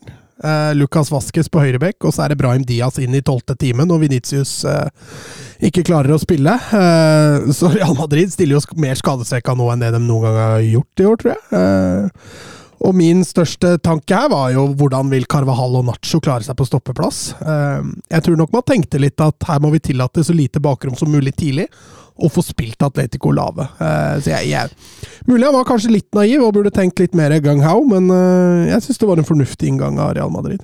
Ja, Så spiller jo Atletico seg sjøl av òg, da. Ja, men jeg, jeg satt og lurte på litt underveis i første gang. Altså, undervurderer Atletico Real Madrid her, eller? For ja.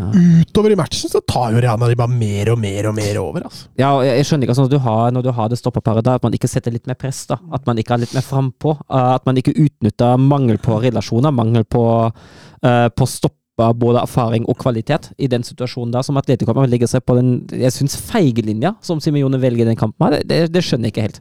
Så har man en Brahim Diaz som har Mario Hermoso godt oppi bukselomma si. Ja. Han gjør hva han vil med Ja, ja og det, det var jo et vanlig venstreforreal. forrige, liksom. Altså alltid vende ut på høyre, uh, gjerne på vaske som kom uh, bredt og høyt, og så stikker Diaz gang på gang på gang i det der halvrommet. Mm. Og da, da gjør han hva han vil. Og det, han, har en, uh, han har en helt enorm kamp. Ja, han setter 1-0, og han, han Han herjer jo egentlig. Ja, fra, egentlig fra starten av. eh, Det ble, endte jo opp som en god greie, egentlig. At Vinicius, Jeg skal ikke si at Venitius ikke hadde prega den kampen, han, men eh, Brahim Diaz på ingen måte gjør seg på ingen måte bort. Eh, han preger det offensive til Real Madrid. og Utover i første gang så ser man jo nesten at man ser litt til Diaz, at man angriper litt med vilje på, på, på høyrekant for å få involvert han mest mulig. og Bellingham blir tatt ut, Rodrigo blir tatt ut, men Diaz får lov å gjøre litt som han vil. altså. Mm, mm. Går det til pause med 1-0 eh, eh, der eh, for et tidlig annullert i annen omgang Atletico Madrid med Stefan Savic. Hva tenker vi om den? Nei, jeg syns den er grei. Han står, han står i offside og i skuttbanen for keeper. Den, uh, den syns jeg er, Men er er grei. Lenin hindra der, syns du? Ja, jeg, nei, men, Lunin! Lunin, Lunin. ja, altså, problem, problemet er at Jeg har hengt meg helt opp i Lenin. Så proble Problemet som jeg ser det, da, at han, eh, han altså når, når en spiller står såpass tett oppå han uh, i det skuddet går, uh, og han står i offside, så, så blir han hindra automatisk, for han får ikke fritt sikt på ballen nå til deg. Uh, han står i skuttbanen, så Ja, da, jeg, jeg, jeg- syns den er helt grei. jeg. Jeg, har egentlig ingenting å, å melde på den heller. Syns det er greit. Men for meg ser det ut som han blir ikke Han ser alt sjøl, liksom. Ja, men det, det går litt på Det er et hinder likevel om han står der. Jeg, jeg, jeg tror ikke VAR hadde blanda seg inn om det hadde blitt mål heller. Jeg tror bare det er en sånn typisk VAR følger dommer. Altså. Ble det ikke mål? Nei, han døm- dømte Og dømte offside med Ja, en for gang. du ser med en gang dommeren er Mm. oppe med flagget, så løper Grismann og okay. en eller annen ut og begynner å klage. Okay. Mens resten feirer. De har ikke fått det med seg. Men, men, Fikk ikke jeg heller. Jeg feira, jeg òg! men, men jeg har litt issue med Mats tok en Arteta i stua! Jeg løp og jubla mot Arcelotti der. Men jeg, jeg har heller en issue med det Simione gjør i pausen. Eh, jeg syns det er fint at den går over til en, eh, til en firevekstlinje for alle, men at den, at den bytter inn Molina for Rikelme. Og at, eh, at spillere som, eh, som Barrios og Lino blir sittende på benken til de har spilt en time, uh, det, det skjønner jeg ikke. Igjen, altså jeg syns, han- er feig. Altså ja, han endrer litt, og ja, Atletico har litt mer banespillere til deg, men det tar evigheter før han virkelig begynner å bli litt offensiv, altså. Uh, og det i den situasjonen, i det kampbildet som har vært, jeg syns, jeg syns det er feigt. Jeg syns det er feigt over hele linja. Altså, Real Madrid er gode i andre omgang. Altså. Da imponerer de voldsomt. Eh, mangler dem altså et halvt lag. Og, og Atletico, som er nærmest skadefrie, den blir nesten kasteball. Og at Real Madrid ikke får et mål til i, i løpet av andre omgangen der, er jo Ja, det er ikke bare Atletico som skylder, altså. Nei, for Konradsen skriver jo til oss Real Madrid er Real Madrid uansett hvilke elleve som er på banen, tross alle skadene. Altså, ja, det er, det er jo litt sånn du ser jo Kamavinga. Han, er- altså, den kampen han leverer, det er på så høyt nivå at det, jeg, jeg, jeg, jeg- får nesten ikke sagt det. det, det uansett, du føler det nesten litt sånn at uansett hvem de setter utpå der, så vil det alltid være en kultur, en, eh, en prestasjonskultur, rett og slett, som bare skinner gjennom i veggene der.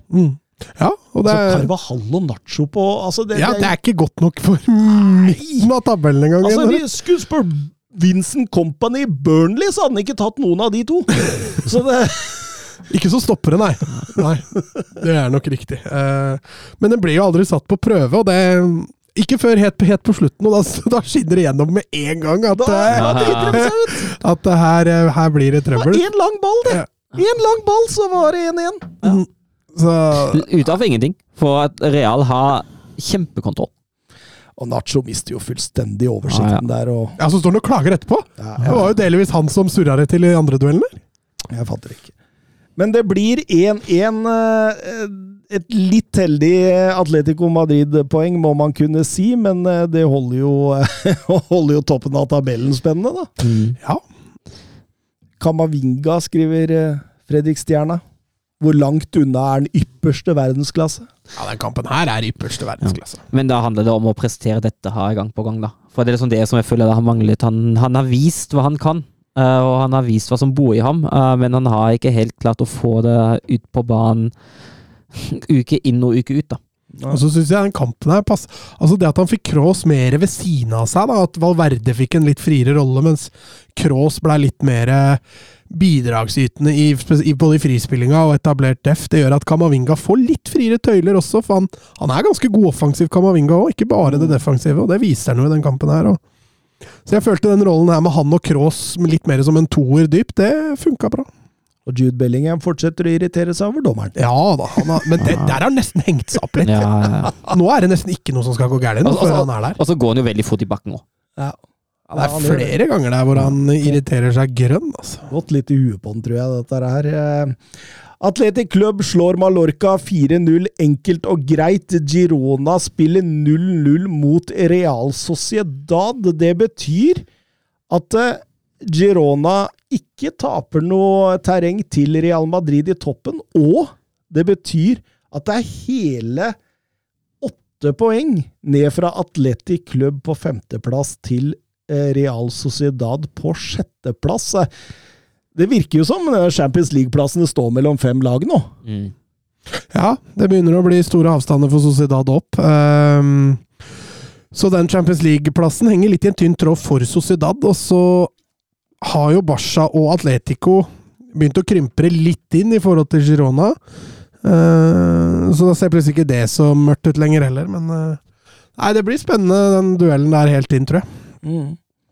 Eh, Rayo Vallecano spiller mot eh, Sevilla as we speak. Eh, ligger A-poeng med Cádiz der, Sevilla som inneholder den siste nedrykksplassen. Så Rayo er ligaens eh, nest dårligste hjemmelag, med kun én seier på ti hjemme. Sevilla er et av ligaens svakeste bortelag, med kun én seier på ti siste borte. Det må jo bli uavgjort! Vil, vil du vite hva stillingen er, eller skal vi se Nei, jeg skal se den skal se etterpå, etterpå, så setter pris på at du Ja. ikke Det, det er greit, da. Jeg tenkte jeg skulle se City òg, jeg, så det er Ja, fint om jeg kunne As, as we speak, så tror jeg lytterne våre veit åssen det gikk uansett. ja. Det er ikke noe live-oppdatering her. Da er det Bundesliga. Er macht ein richtig gutes Spiel. Jan Schimonek. Die Wolfsburger lassen so gut wie nichts zu. Grafit. Grafit gegen Lell. Jetzt wird's eine Demütigung. Guckt euch das an. Bist du verrückt? Bist du verrückt? Tor des Jahres. Die Bayern der Lächerlichkeit. Vi begynner med Heidenheim mot eh, Dortmund eh, fredag kveld. Ja. Tre strake etter eh, vinterpausen. Det, det tok slutt, det, så. Ja, Ja, det tok slutt. Du meldte Champions League sikker 100 du, på Dortmund. men det mener jeg ennå. Det mener Altså, vi, vi, har, vi har snakket jeg, jeg, jeg, jeg sa jo før sending at uh, jeg syns det er sånn status quo-runde i Bundesliga uh, på de fire lagene som er de vi, vi snakker mest om, da. Og Eh, da går vi til Serie A. og jeg syns det er det i aller høyeste grad for Dortmund. De svakhetene som vi har snakket om, Uh, de er der. Han prøver seg igjen i en uh, 3-2-3-2 i frispillinga, og igjen er det sånn utfordringer å få involvert Ian Madsen sentralt. da. Um, det går mye rundt den. Uh, han viser hva han kan når han, får ballen en sjelden men det, det sitter ikke i frispillinga. Uh, jeg mener at Ian Madsen, uh, som invertet uh, venstrevekk, kan være en løsning for å løse frispillingsproblemet til Dortmund, men det må få involvert den. Uh, og akkurat nå slutter det ved å, altså, med å få ballen inn i de sentrale områdene og, og bygge videre derfra. Og det er de samme utfordringene der, og Dortmund er jo egentlig heldig å ta med seg ett poeng her i det hele tatt. For eh, Kleindienst han bomma på åpen kasse etter en eh, voldsom frispillingsfeil. Men jeg synes det var kult offensivt lag de kommer med. At de tør å starte som Mokoko og, sånn. For han har jo vært brukbar når han har kommet inn i de siste kampene. Ja, han, han starter jo mot Bochum og så hjelper det jo at uh, både Royce og Brandt er ute. Ja, hvis de hadde vært der, så hadde nok ikke han Ja. fått starte. Men Ja, absolutt. Du ser jo Terzic, han, han prøver jo mye. Han bytter Ja, ja. formasjoner, han får inn denne debutanten, denne Pålmann i tieren. Han, han flytter Madsen plutselig opp på kant. det, det, det er jo åpenbart at han prøver mye her.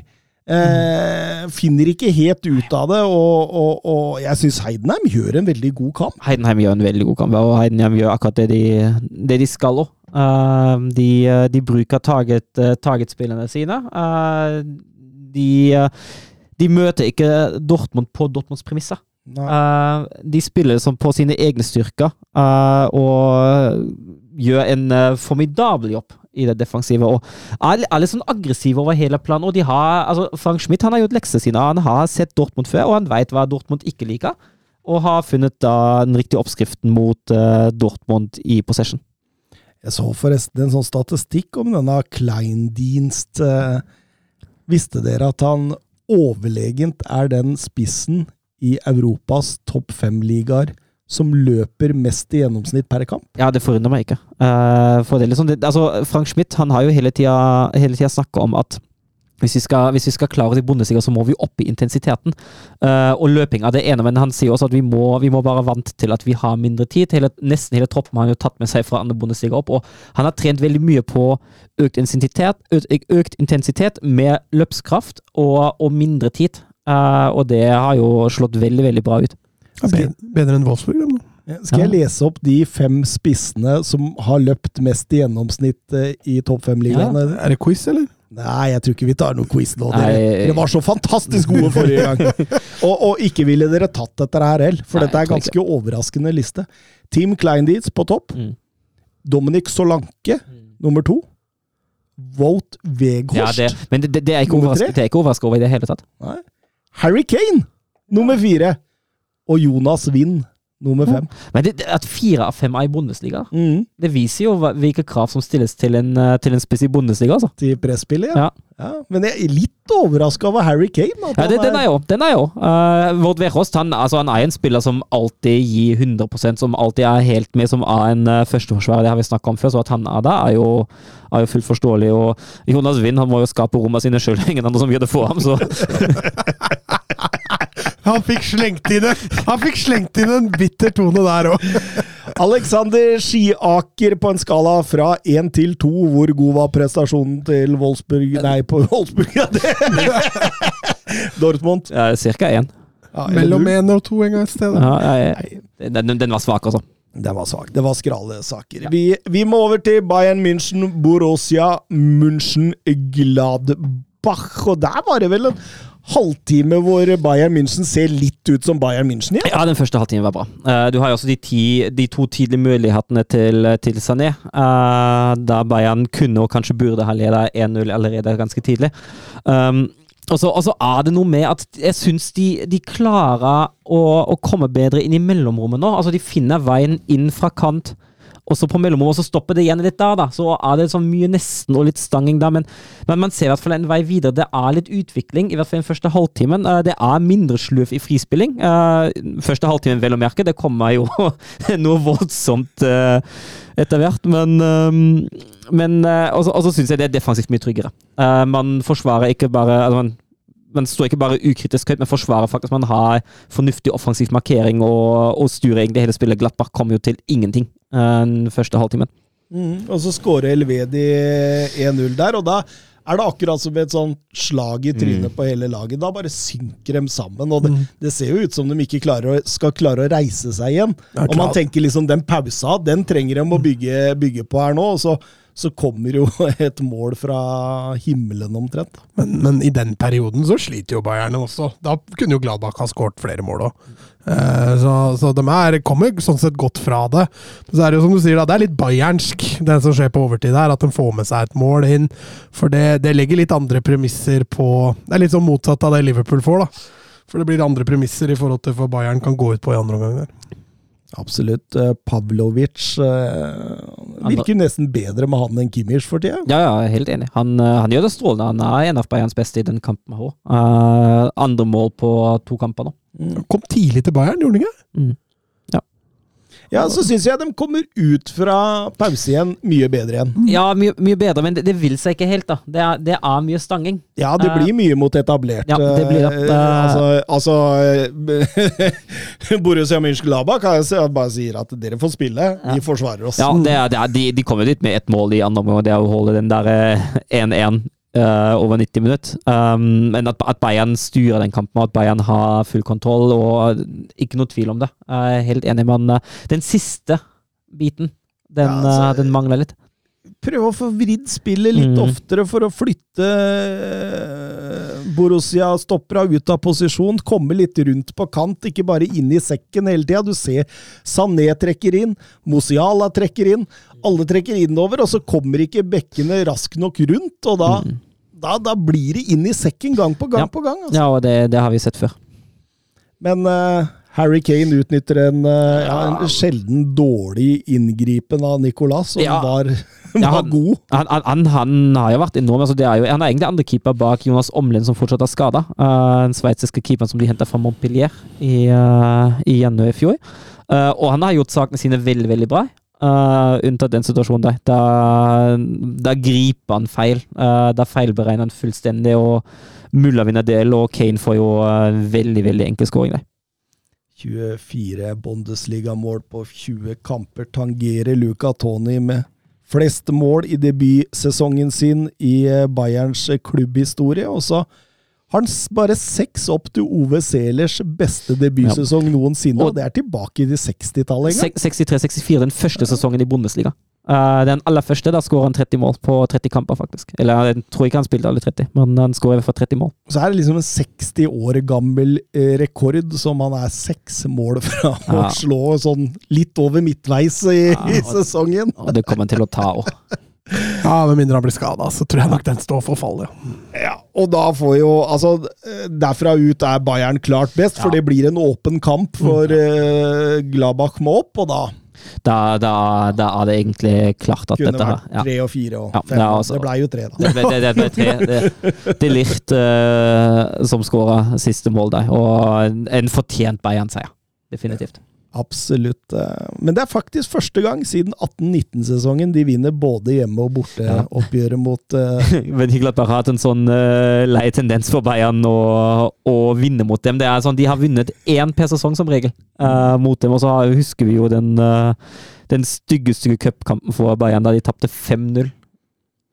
Så må vi ta med Thomas Müller, da, som tar sin 500. Ah. seier med Bayern München i sin 690. kamp i alle ja. turneringer. For en legende. For, for en legende. For en, eh, altså, han, han er jo, han er jo mista Bayern München blant spillerne. Altså. Det, det, er jo, det er jo han som er en bare av eh, klubbkulturen og, og alt den klubben der står for. 500 på 690 kamper. Ja, det er helt spinnvill statistikk! Spiller han ikke kampene de ikke vinner, da? eller? Nei. Jo, 190. da. Er, Men der er det uavgjort inne i bildet òg, så han, kan jo, han kan jo knapt nok vite hvordan det er å tape en fotballkamp. Ja. Men har du, har, du list, har du en liste der, eller? Nei, det, jeg bare skrev opp fra Oppda. Mm. Okay, Ja, for om det er flere som har 500 kamper i en og samme klubb, eller 500 seire for en og samme klubb I hvert fall ikke i Bayern München. Nei, jeg, jeg, tror, jeg tror ikke Jeg, tror jeg mener å ha liksom statistikk at han er den første i Bundesliga som har fått 500 seire. Kjenner, altså, er sikkert først i topp fem-ligaen. Ja. Altså Det der er jo en ellevill statistikk. Ja, ja. ja, ja. André Schjelderup, eh, tidvis bedre fra Bayern i helgen. Første halvtimen meget god. Er det typisk at de finner formen når stikken skrus ting til og ting skal avgjøres? Ja, det er typisk Bayern. Det, det er definitivt typisk Bayern. Og jeg er veldig spent på toppkampen eh, mot Leverkosen i Åh, Leverkosen neste, neste lørdag Jeg gleder meg! Da, er det- da er det bare å benke seg foran TV-en og se den, for den tror jeg blir rimelig fett. Den blir kul. Det er synd at det er litt frafall egentlig hos begge. Ja. Ja. Tenk å fått den kampen i full Ja. HD. Ja. I 4K. Det hadde vært eh, artig, men Leverkosen har vel fortsatt noen spillere ute med skade og i Afrika. Og, ja, Kosono spiller jo semifinalen Ja. eh, fortsatt i Afrikamesterskapet. og Bayern har vel noen skader, så Ja. Men eh, allikevel, det der tror jeg blir en heidundrende fotballkamp. Det blir, en kul. det blir kult. Vi må over til Wolfsburg mot uh, Hoffenheim. eh. Ja, vet du hva Fikk eh, Kovac sparken, eller? tror jeg. det, det spurte, det spurte, Tror du det, eller? det spurte Hobber om òg. Ja, nei, han har ikke fått sparken. Han, han startet jo den kampen med, eh, med en Niko Kovac spesial. Geniet på vei ved sidelinja. Har bestemt seg for å benke den beste fotballspilleren i, i laget i Lovromaya. Og bruke Kevin Behrens i stedet for. Uh, og da, da har du egentlig bare lyst til å skru av med en gang. når du ser den der, altså. Det Problemet er jo at oppstillingen kommer jo, kommer en time før kamp, så du, du ender jo med at du er sinna én time på forveien før kampen har starta i det hele tatt. Og så altså, er det en, altså, er det en grusom fotballkamp. Altså, sånn skjebnens ironi at det er Lovro Maja som kommer inn og skårer to mål. Selvfølgelig, selvfølgelig gjør han det. Altså ender jo kampen 2-2. Um, Han, redda jobben til Kovac. han redda jobben til Kovac, og så har jo Marcel Schäfer, uh, det andre geniet der, har jo gått ut og Mye genier i Wolfsburg. er mye geni i Wolfsburg. Det, og han har jo gått ut og erklært at hans mirakeltrener på, på benken der, han eh, skal nå i hvert fall fullføre sesongen. Så det eneste jeg håper på Geni, genisjefer! det erklært mirakeltrener! Faen, det er mye bitterhet på ja, jeg, jeg, er så- jeg er så fett. Ironien flommer over bordet her. Altså, nå, nå er det jo egentlig bare å håpe at uh, det laget der ikke rykker ned. Uh, for Köln har jo tatt poeng nå. Union og Mainz har en hengekamp. Wolfsburgs neste er Union, og etter, etter den Union-kampen borte nå, så kommer Dortmund, Frankfurt, Stuttgart og Leverkusen på rekke og rad. Og da skal jeg love, da blir det ikke mange poeng. Med, I den konstellasjonen også. Er det bare å håpe uh, at, uh, at uh, verdensklassetreneren på sidelinja der henter nok poeng til at man unngår det totale kollapset her. Men Thomas, har Wolfsburg tapt i 2024 ennå, eller? Nei da. Nei, de er ubeseira i 2024, altså. Nei, det, er, det er helt strålende. Vi har tatt- vi har tatt Et av få lag. Ja. Vi har faktisk tatt ett poeng mer enn jeg hadde forventa at vi skulle ta på de fire kampene. Jeg trodde vi skulle slå Köln, jeg trodde vi skulle tape de andre tre. Men eh, Nei, veit du hva. Jeg, altså Det er sikkert det som holder han i jobben nå. ja, Ubeseira. Altså, Tenk å sparke en ubeseira Ja, trener. det går men, ikke. men jeg, så altså, jeg, går, jeg går jo ikke inn og gleder meg til noe som helst med Wolfsburg. Men Jeg ser jo de bare fordi jeg føler at jeg må. Det, det er sånn, altså, ikke, ikke av podkast, men fordi jeg føler en, en lojalitet overfor klubben min at jeg sitter og ser de kampene. Men nei, fy faen, altså. Jeg, Men kunne Nordlivet Glasner-retur gjort deg lykkeligere, spør, eh, spør Alex Bjørkan. Ja, altså Kvalitetsmessig er hun klart bedre trener enn eh, enn de siste tre som vi har hatt ved sidelinja der, men eh, det er nok utelukka. Uh, han, har jo, han har jo etterlatt seg litt brent jord um, i Wolfsburg, i hvert fall eh, på relasjonell basis. Og Marcel sjefer var jo involvert i klubben allerede der, uh, og han veit jo veldig godt hva som har skjedd der. Og så er det noe med at han er, han er jo en god fotballtrener, men altså de utsagnene han kom til tida med i Frankfurt, også i Wolfsburg da, at, altså, I Wolfsburg satt han på en pressekonferanse og var, var sur og gikk til angrep på sportssjefen at han ikke har fått den og den spilleren der. Uh, I Frankfurt han altså, kom med noen sånne sære uttalelser og alt det der. og eh, det er like så greit at han ikke hentes tilbake, selv om han uh, faglig definitivt kunne gjort en god jobb. Mm. Mm. RB Leipzig, Union Berlin. Vinterpausen har ikke gjort eh, Leipzig godt. Tre strake tap. Har ikke råd til et fjerde denne gangen, men er jo selvsagt eh, store favoritter hjemme mot ligaens svakeste bortelag denne sesongen. og og det er jo et Leipzig her som eh, karnøfler ja. Union fra start. Ja, det kan du si. De, de er på fra start. Og når vi har skrudd av Stuttgart, hvordan Stuttgart klarte å demme opp for Leipzigs vanlige trekk, uh, så er det stikk motsatt med Union. Altså Xavi, Olmo uh, De kommer seg fri gang på gang. De kommer seg inn i mellomrom, de kommer seg rettvendt. Uh, ja, så ja, ja, det er så altfor ofte. Eh, det er et stort hull sentralt hos Union, altså. Mm. Eh, og det, det, det klarer de ikke å finne ut av. Når du gir spillere av den kvaliteten de rommer deg, eh, så er det et spørsmål om tid før ballen ligger i nettet. Ja, og Penda setter tidlig 1-0. Han kunne satt eh, 2-0 rett etterpå. Mm. En nydelig no-look-pasning Ja. fra Olmo der. Venner og banker til Ja. der. Og, og, eh, altså, Union de sliter så voldsomt med å plukke opp uh, Xavi Simons. Eh, han herjer der ute. og Klas Grønlin spør kunne Xavi Simons passet som indreløper i 4-3-3 i f.eks. Liverpool eller Manchester City. Det er vanskelig å finne noen deiligere fotballspillere i dag. Ja, jeg tenker at kunne det. Eh, Leipzig har ikke noen kjøpsopsjon, så han har, jeg tipper at han har tapt for dem uh, etter den sesongen. her. Eh, han, han er enorm, og at han kunne fulgt ut indreløperrulla, absolutt. Han viser jo også veldig god forståelse, så ikke bare den teknikken. Teknikken er jo det ene, og pasningsspillet og alt det, men han viser en veldig god forståelse for Romo. Jeg syns han beveger seg veldig smart. Jeg syns han han, han forstår hva han skal gjøre. Og denne smartheten hjelper han jo definitivt i den rollen han har, i tillegg til eh, de helt åpenbare fotballferdighetene som han har. Han er en nydelig fotballspiller, en fryd å se på. eh, og han er nok Altså, jeg mener at han har kvaliteter nok allerede nå til å kunne spille en god rolle i en større klubb, ja. Tror du han har vært god nok defensivt som indreløper i Premier League? Det er sånn det som er spørsmålet. Det er kanskje da det som er Du nevner jo mye, du nevner jo det offensive nå, selvfølgelig. Men altså, han, han jobber jo en del, da. Han jobber jo veldig mye i press òg. Uh, liksom spørsmålet han, uh, han kommer til å dekke rom når han står et lavere, men jeg syns han er en god presspiller òg. Han viser jo det i Leipzig òg, at han, uh, han eh, jobber godt og smart mot barn. Så jeg, jeg tror han kan være det, ja. Hvis du, som en av våre lyttere, er opptatt med Premier League under en, en RB Leipzig-kamp eller et eller annet sånt, og ikke få sett den direkte, altså Velg heller å se den i opptak, da vel, og, og drit i Farmen kjendis eller noe sånt noe seinere på, fordi bare det, det, bare det å, å, å, Emma Ellingsen. Skal du bare drite i Emma Ellingsen? Hun har pølse. Nei, jeg har kanskje ikke lenger. Nei, den har jeg kvitta seg med. Men Men Altså, eh, du vil ikke angre altså, hvis du ser altså, Det holder bare med å se Shawi Simons. Ja. Og leverkosten. Ja, Det er fantastisk å se han spille fotball. Altså, altså. Det er, det er, det er, han er god i, i, i det aller, aller meste. Altså, det eneste lille spørsmålstegnet er jo det defensive arbeidet. Han er ikke alltid like pliktoppfyllende til å, å følge løp og sånt, men, men det han gjengjeld gjør offensivt, da, det er altså stor verdi at jeg tror liksom Altså, altså er det jo noe man kan jobbe med òg, ikke sant? Det er litt det da, altså jeg føler, jeg føler ikke at det er Det er kvaliteter det nødvendigvis står på. Uh, det er kanskje vilje, men det lærer man seg fort i Premier League, altså.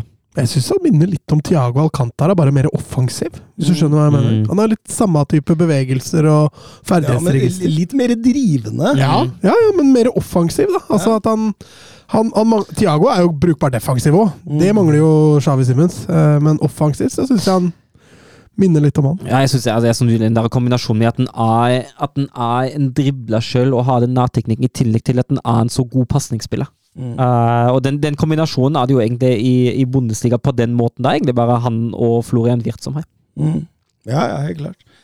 Eh, Benjamin Sjesko setter 2-0 tidlig i Ja, annen og det er omgang, og det. er jo, det, er jo Ja. altså det, det kunne vært tre og fire. og- Ja, altså, altså får Trimmel også en utvisning. eh, direkte rødt for å plante knottene sine i uh, ankelen til David Raum. Ja. Og det er, det er vel ikke noe å si på det. Og Nei da. Da er det jo Seneste har da er jo kjørt, men det er jo egentlig kjørt på 2-0. Det eneste lille ankerpunktet mot Leipzig der òg, altså de har jo en del sjanser. De eneste to målene de skårer, er jo fra dødball. Mm. Um, så vi har jo har jo snakket litt om deres utfordringer til tider mot, uh, mot etablert forsvar. Jeg syns jo ikke at det er helt det samme her, for de, de klarer jo å skape en del sjanser mot etablert òg, men, uh, men ja, begge mål kommer fra dødball. Jeg liker den der Sjesko og Penda-duoen. Mm. Den er veldig utfyllende. Litt sånn gammel engelsk én kort, Mm. én lang. Ja. En kjapp, en treig. Ja, En sånn. stor, en liten. Ja. Eh, vi må videre til Darmstadt-Leverkosen. Noen få ord om det. Det er vel egentlig den store helten Nathan Tella som Ja. eh, Ja, men han eh, han, eh, han har vist Altså, han, han har jo vist Han er jo litt sånn en av de som har vist hvor god og bred den der troppen til Leverkosen er. Han starta som uh, høyre wingback, har jo. Uh, Frimpong, på, Frimpong på benken i 90 minutter og skåra begge mål. Og, altså, Leverkosen har jo full kontroll her. Er jo det klart beste laget, selv om man man har litt sånn følelse av at de spiller på 80-85% Men uh, de, de klarer seg fint her og, og vinner 2-0 og fullt fortjent. 29 kamper uten tap det- denne sesongen i alle turneringer. Eh, De husker jo ikke hvordan det er å tape. Ja, Sist var i runde 34 i forrige sesong mot uh, Borum på bortebane. Mm. Da var det vel 3-0 òg. Den er tøff. 3-0 mot Bochum. Ja, Ad- Adli fikk vel en tidlig utvisning, hvis jeg ikke husker feil. Så det, det var nok en uh, litt tøff kamp, men uh, ja. Det, det, det er en så enorm statistikk. Og Stuttgart slår Freiburg 1-3 på bortebane etter nok en kanonmatch av Dennis eh, Ondab. Ja, han, eh, han er i ordentlig god form. Han uh... Blir det Tysklands EM-tropp, eller? Jeg håper det. Altså, han, han, er, han er Jeg syns han, han er så god.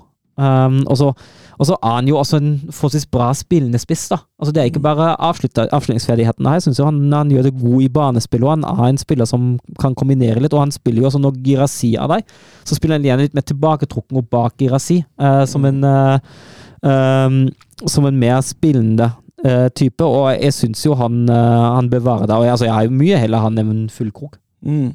Ja, ja. Ja, ja. Ja, ja, ja. ja. ja, ja. Ja, ja. Selv om Stuttgart fikk det greit her. De Ja, Freiburg- 10 mot Ja, Freiburg fikk tidlig rødt kort her òg. Det, var, eh, det var etter 18 minutter så må Melin Røhl uh, ut med rødt kort, og det er jo helt riktig, det òg. Får ikke mer tyskere navn enn Merlin Nei, det var det jeg spilte. Røhl. Topp fire nå, Dupker. Eh, blir den som han blir, eller kommer Leipzig inn der for en av laga? Ja, hvis, hvis det er for én, tror jeg nesten er for Dortmund. Jeg tror det står mellom Leipzig og Dortmund. Altså Stuttgart ser jo Altså, de hadde en sånn Tror du det, altså? Mm, At, det, at, det, at det Stuttgart er nærmere Champions League her enn Dortmund? ja. Eh, Jeg syns ikke Dortmund ser bra ut. Eh, Jeg syns det er så mange issues. Jeg synes de to Altså, vi har snakka om de tre seirene nå, det er greit, det. Borum er en en vanskelig motstander for all det, men Köln og Darmstadt det er de to dårligste lagene som man kan møte i Bundesliga nå, altså akkurat nå, egentlig. Uh, og at man vinner de der, det skulle egentlig bare mangle. Uh, men Dortmund har fortsatt til gode å overbevise meg over 90 minutter. Altså. Og jeg ser så mange issues med det Dortmund-laget der at uh, jeg syns egentlig det er, det er mer forundrende at de faktisk henger så godt med nå. I topp fire-siden. for jeg, jeg syns ikke de ser helt ut som et topp fire-lag. Men da er det jo et veddemål på gang her, er ikke det? Ja, vi kan ta en øl. Ja, vi kan ta en øl. Jeg sier Dortmund ikke klarer det. Det er greit, da. Jeg sier Dortmund klarer. Ja, du, er, jo- du sa jo i forrige episode du var 100 sikker. Ja, Ja. ja men jeg, Altså, jeg- jeg er det. Jeg, er det. jeg tror, Du kunne jo egentlig jeg satsa tror Stuttgart havner utafor. 100 sikker. Da kan du jo satse hus og kone òg. Ja, men du er 100 sikker! Ja, men Søren har både hus og kone, så er Ja, ikke dere det kan, Ja, altså, altså er ikke jeg Og så er ikke, og så er ikke jeg du der, sitter du der med to koner og to leiligheter? Og så er ikke jeg 100 sikker på at de ikke klarer det. Nei, Så de oddsa Nei hadde det jeg klart på. da. Nei, jeg tror det er Stotkart som havner utafor til slutt. Jeg tror det. Vi må, vi må over til europahjørnet, hvor vi skal ta for oss Serie og League A. Bra jobba, gutta! Bra ball! Ja, grei offside. Tor Håkon, den er grei. Tor Håkon! Nei, Tor Håkon, det var din egen skyld. Ikke bli sint for det, i hvert fall. da. Tor Håkon, ikke kjeft på dommeren. Og ikke kjeft på dommeren. Tor Håkon, nå hører du på dommeren. Det er hver gang, altså. Ja, vi begynner med Det er så deilig at du glemmer deg! Skal starte ny episode hver gang, du. Ja! Jeg syns han gikk så fort! Plutselig var han borte, med introen, så jeg bare what? Jeg var litt eh, tidlig på den der. Um, Serie A. Uh, Frosinone Milan. eh, det er jo stor forskjell på Frosinone hjemme på Benito eh, Stirpe og, og borte, så det var, det var vel ingen enkel eh, oppgave for Milan? Nei, det er det ikke. Uh, Frosinone hjemme det betyr jo høyt press og, og veldig aggressive i, uh, i spillet mot banen. Og det var jo den kampen òg. Frosinone går jo går tidlig ut og opptrer som han er vant til dem fra hjemmebane. Uh, og det skaper litt trøbbel for Milan. Jeg syns ikke Milan finner helt ut av det i starten her. Eller egentlig, egentlig på en veldig god stund, da.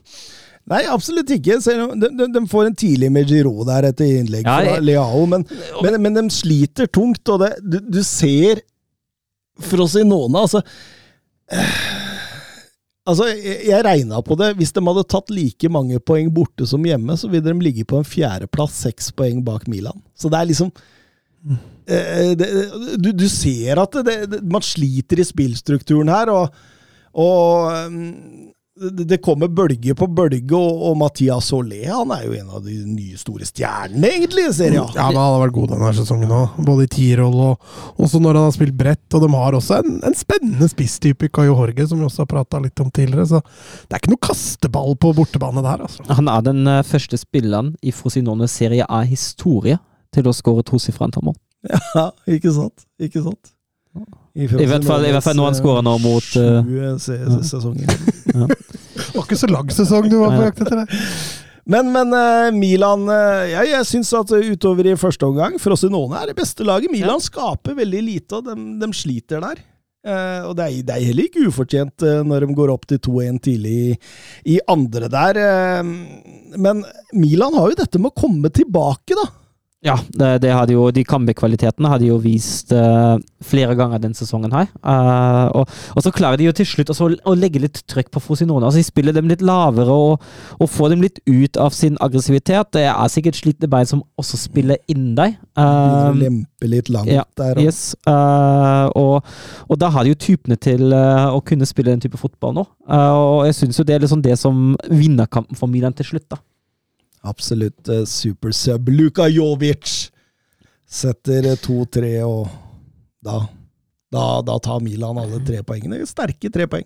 Ja, sterke tre poeng, og kanskje litt flatterende òg. Mm, Bitte litt. Napoli, eh, Hellas, Verona, Mats. Eh, Masarri har gått tilbake til 4-3-3 i denne kampen. her. Tror han vingler veldig nå, eller tror du han på en måte altså at, Jeg er ikke tro, du ser jo at han vingler. Ja, Så Han, han eh, sliter fortsatt med å finne de riktige konstellasjonene. eh, Men eh, hjemme mot Hellas Verona så skal jo egentlig ikke spille noen rolle hvordan Napoli spiller, så skal jo det der gli uansett. og Napoli er jo selvfølgelig det klart førende lag i den kampen her, og sånn sett vinner fortjent, men det tok lang tid. Ja, Monty påstår jo en knallkamp. Altså, få noen redninger han har. det er jo, det er jo altså Første omgang oppsummerer jo med Kvarasjkela og Montepo. på. Ja. Det, er, det, er- det, er- det, er, det, er, jo helt vilt, faktisk, Kvarasjkela òg, som er strålende i denne kampen. Mm. Og um, selv om Coppola setter 0-1 seint, seint i annen omgang, så kommer nyervervelsen en gong. Gong? En gong? Syrvil en gong? En tong. Setter eh, 1-1 før Kvadjaskela Ja, gjør noe så ellevilt. Altså, det Ja, det, den skåringa der, det er helt nydelig. En gang kom jo faktisk også direkte fra Hellas Virona. mm. Og fra sine Det egne. var derfor han ikke jubla. Ja. Men ja, den, den skåringa til Kvaratskhelia, åh, det er, det er så klasse. Og da, da klarer Napoli likevel å dra i land seieren, eh, selvsagt fortjent. Men må jo føle litt med Monty på her, da, som leverer til ti på børsen, men får ikke poeng for strevet. Får ikke noe tilbake. det er gøy å se Kvarasjkela for tida. Altså. Han begynner å finne den der eh, godformen. Ja. Men det, et lite problem Masari har nå, da, det er at eh, når han har gått til sin opprinnelige sånn 3-4-2-1-formasjon, så så eh, ja, For det første så sliter han med å plassere Kvarasjkela, som vi har snakka om før. Men, men det andre er jo det at eh, de produserer nesten ikke noe offensivt, men er bunnsolide defensivt.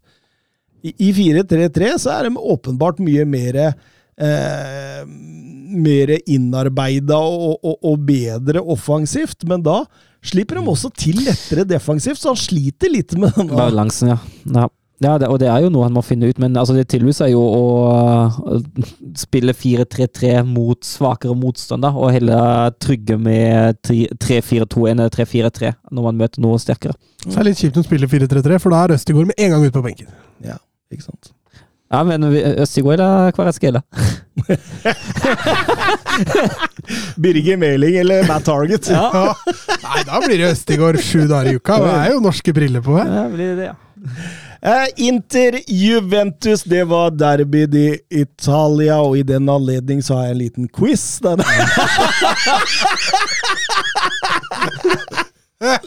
Hva blei resultatet, Søren? I første semifinalekamp i 1994 mellom 1-0. Jeg vet ikke til hvem, men sikkert 1-0. Jeg bare tipper 1-0!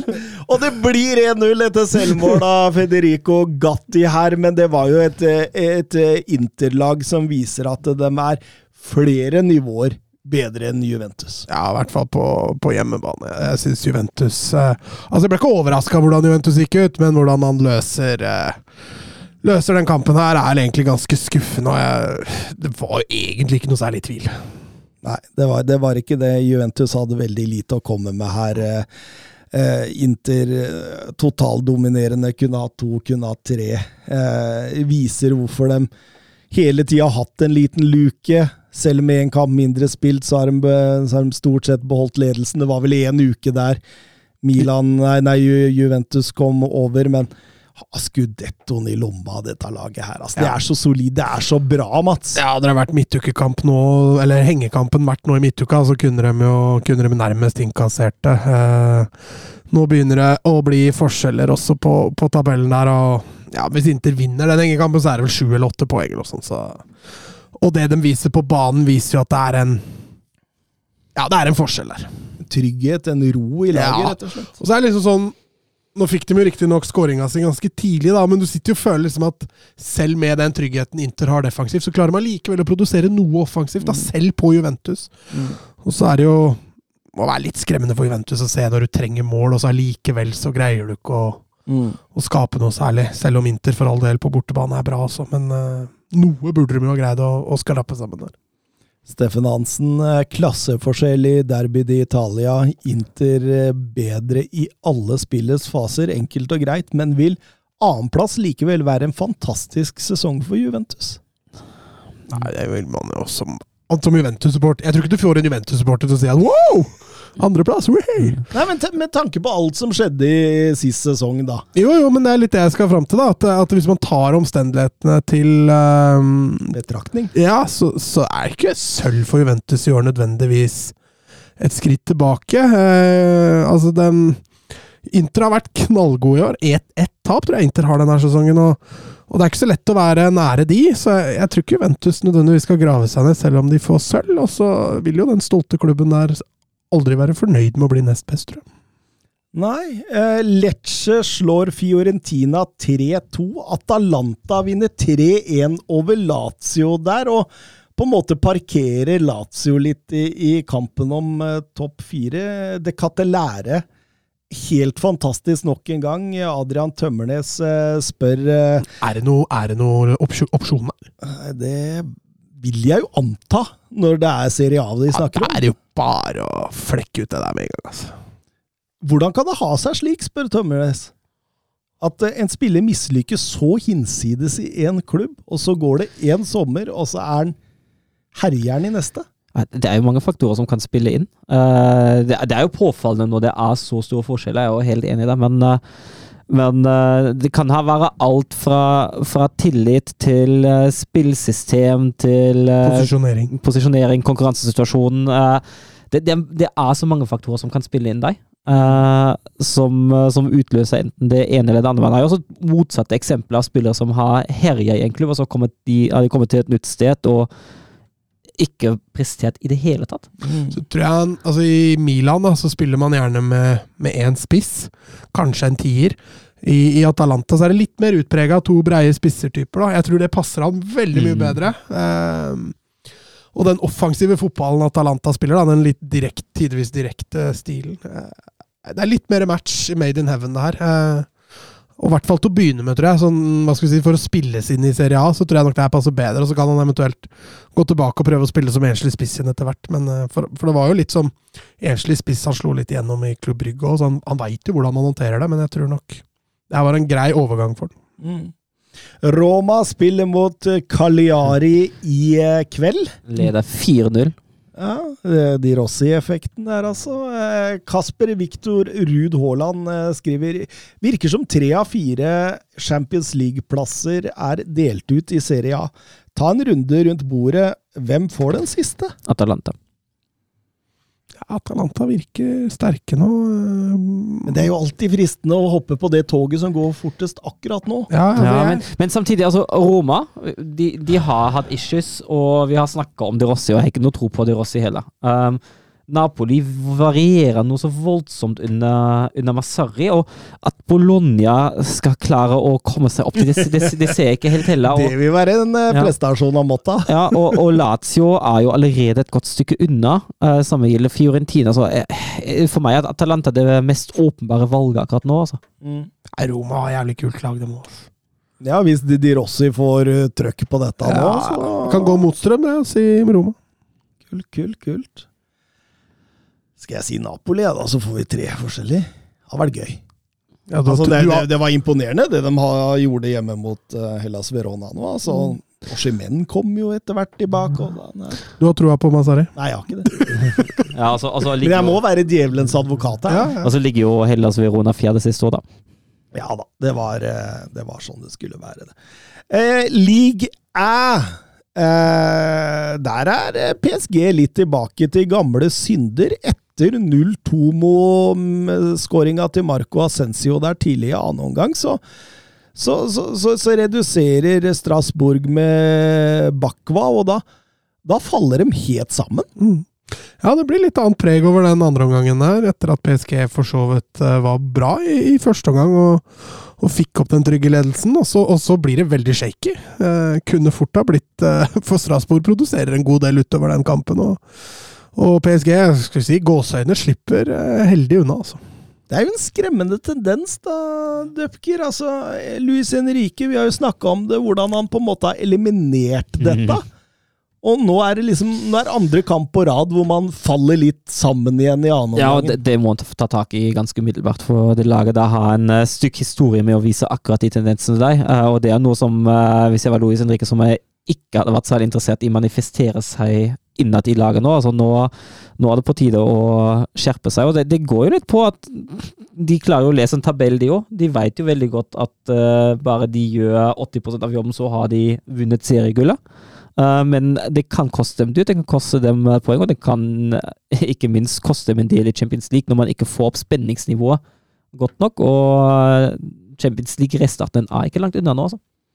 Nei, absolutt ikke, og nå har de jo, har de jo faktisk åtte poeng ned til NIS, som spilte 0-0 borte mot Brest i en annen toppkamp der, så, så da er det jo Åh, det no Jeg så ingen vitser om den kampen på Twitter! Nei, fordi de, NIS må spille hjemme. Å oh, ja. Mm. Ja, For det går ikke an å ha Brest Nice, nei. Det går jo ikke, selvfølgelig. Nice hotdog. eh, Petter Halseth, hvor ender Mbappe opp? Eh, Paris Saint-Germain tømmer omtrent lommeboka og utfordrer FFP for å beholde. Men flere franske medier hevder det går mot Real Madrid. Ja, Det virker jo som at det går mot Real Madrid nå. Uh, det har jo vært veldig nære lenge. Um, og jeg, jeg, tipper jo at han har innsett sjøl at uh, For det, han, han, han, vinner nok ikke Champions League PSG. Uh, Neppe. Og da Altså Kjøpte ikke Real Madrid noe nå i januar, ja. og da blir liksom, det Det, det brygger litt opp til storm til sommeren. til, til, tross for at det egentlig har behov, da. Ja, det, ja. ja selvfølgelig. Uh, så jeg syns det liksom Det blåser litt opp her til at det skal skje noe heftig i hovedstaden til sommeren.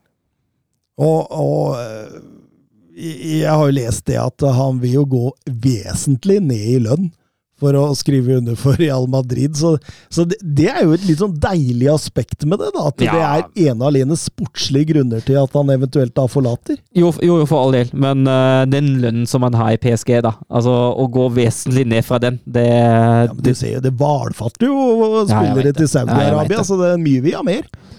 Jeg veit det, da. Uh, men um, jeg, tipp, altså, jeg, tipper at han ikke trenger å Det er ingen i den klassen til Mbappé som har gått til Saudi-Arabia. Nei da, nei da, men uh, folk som har god råd fra før av. Ja.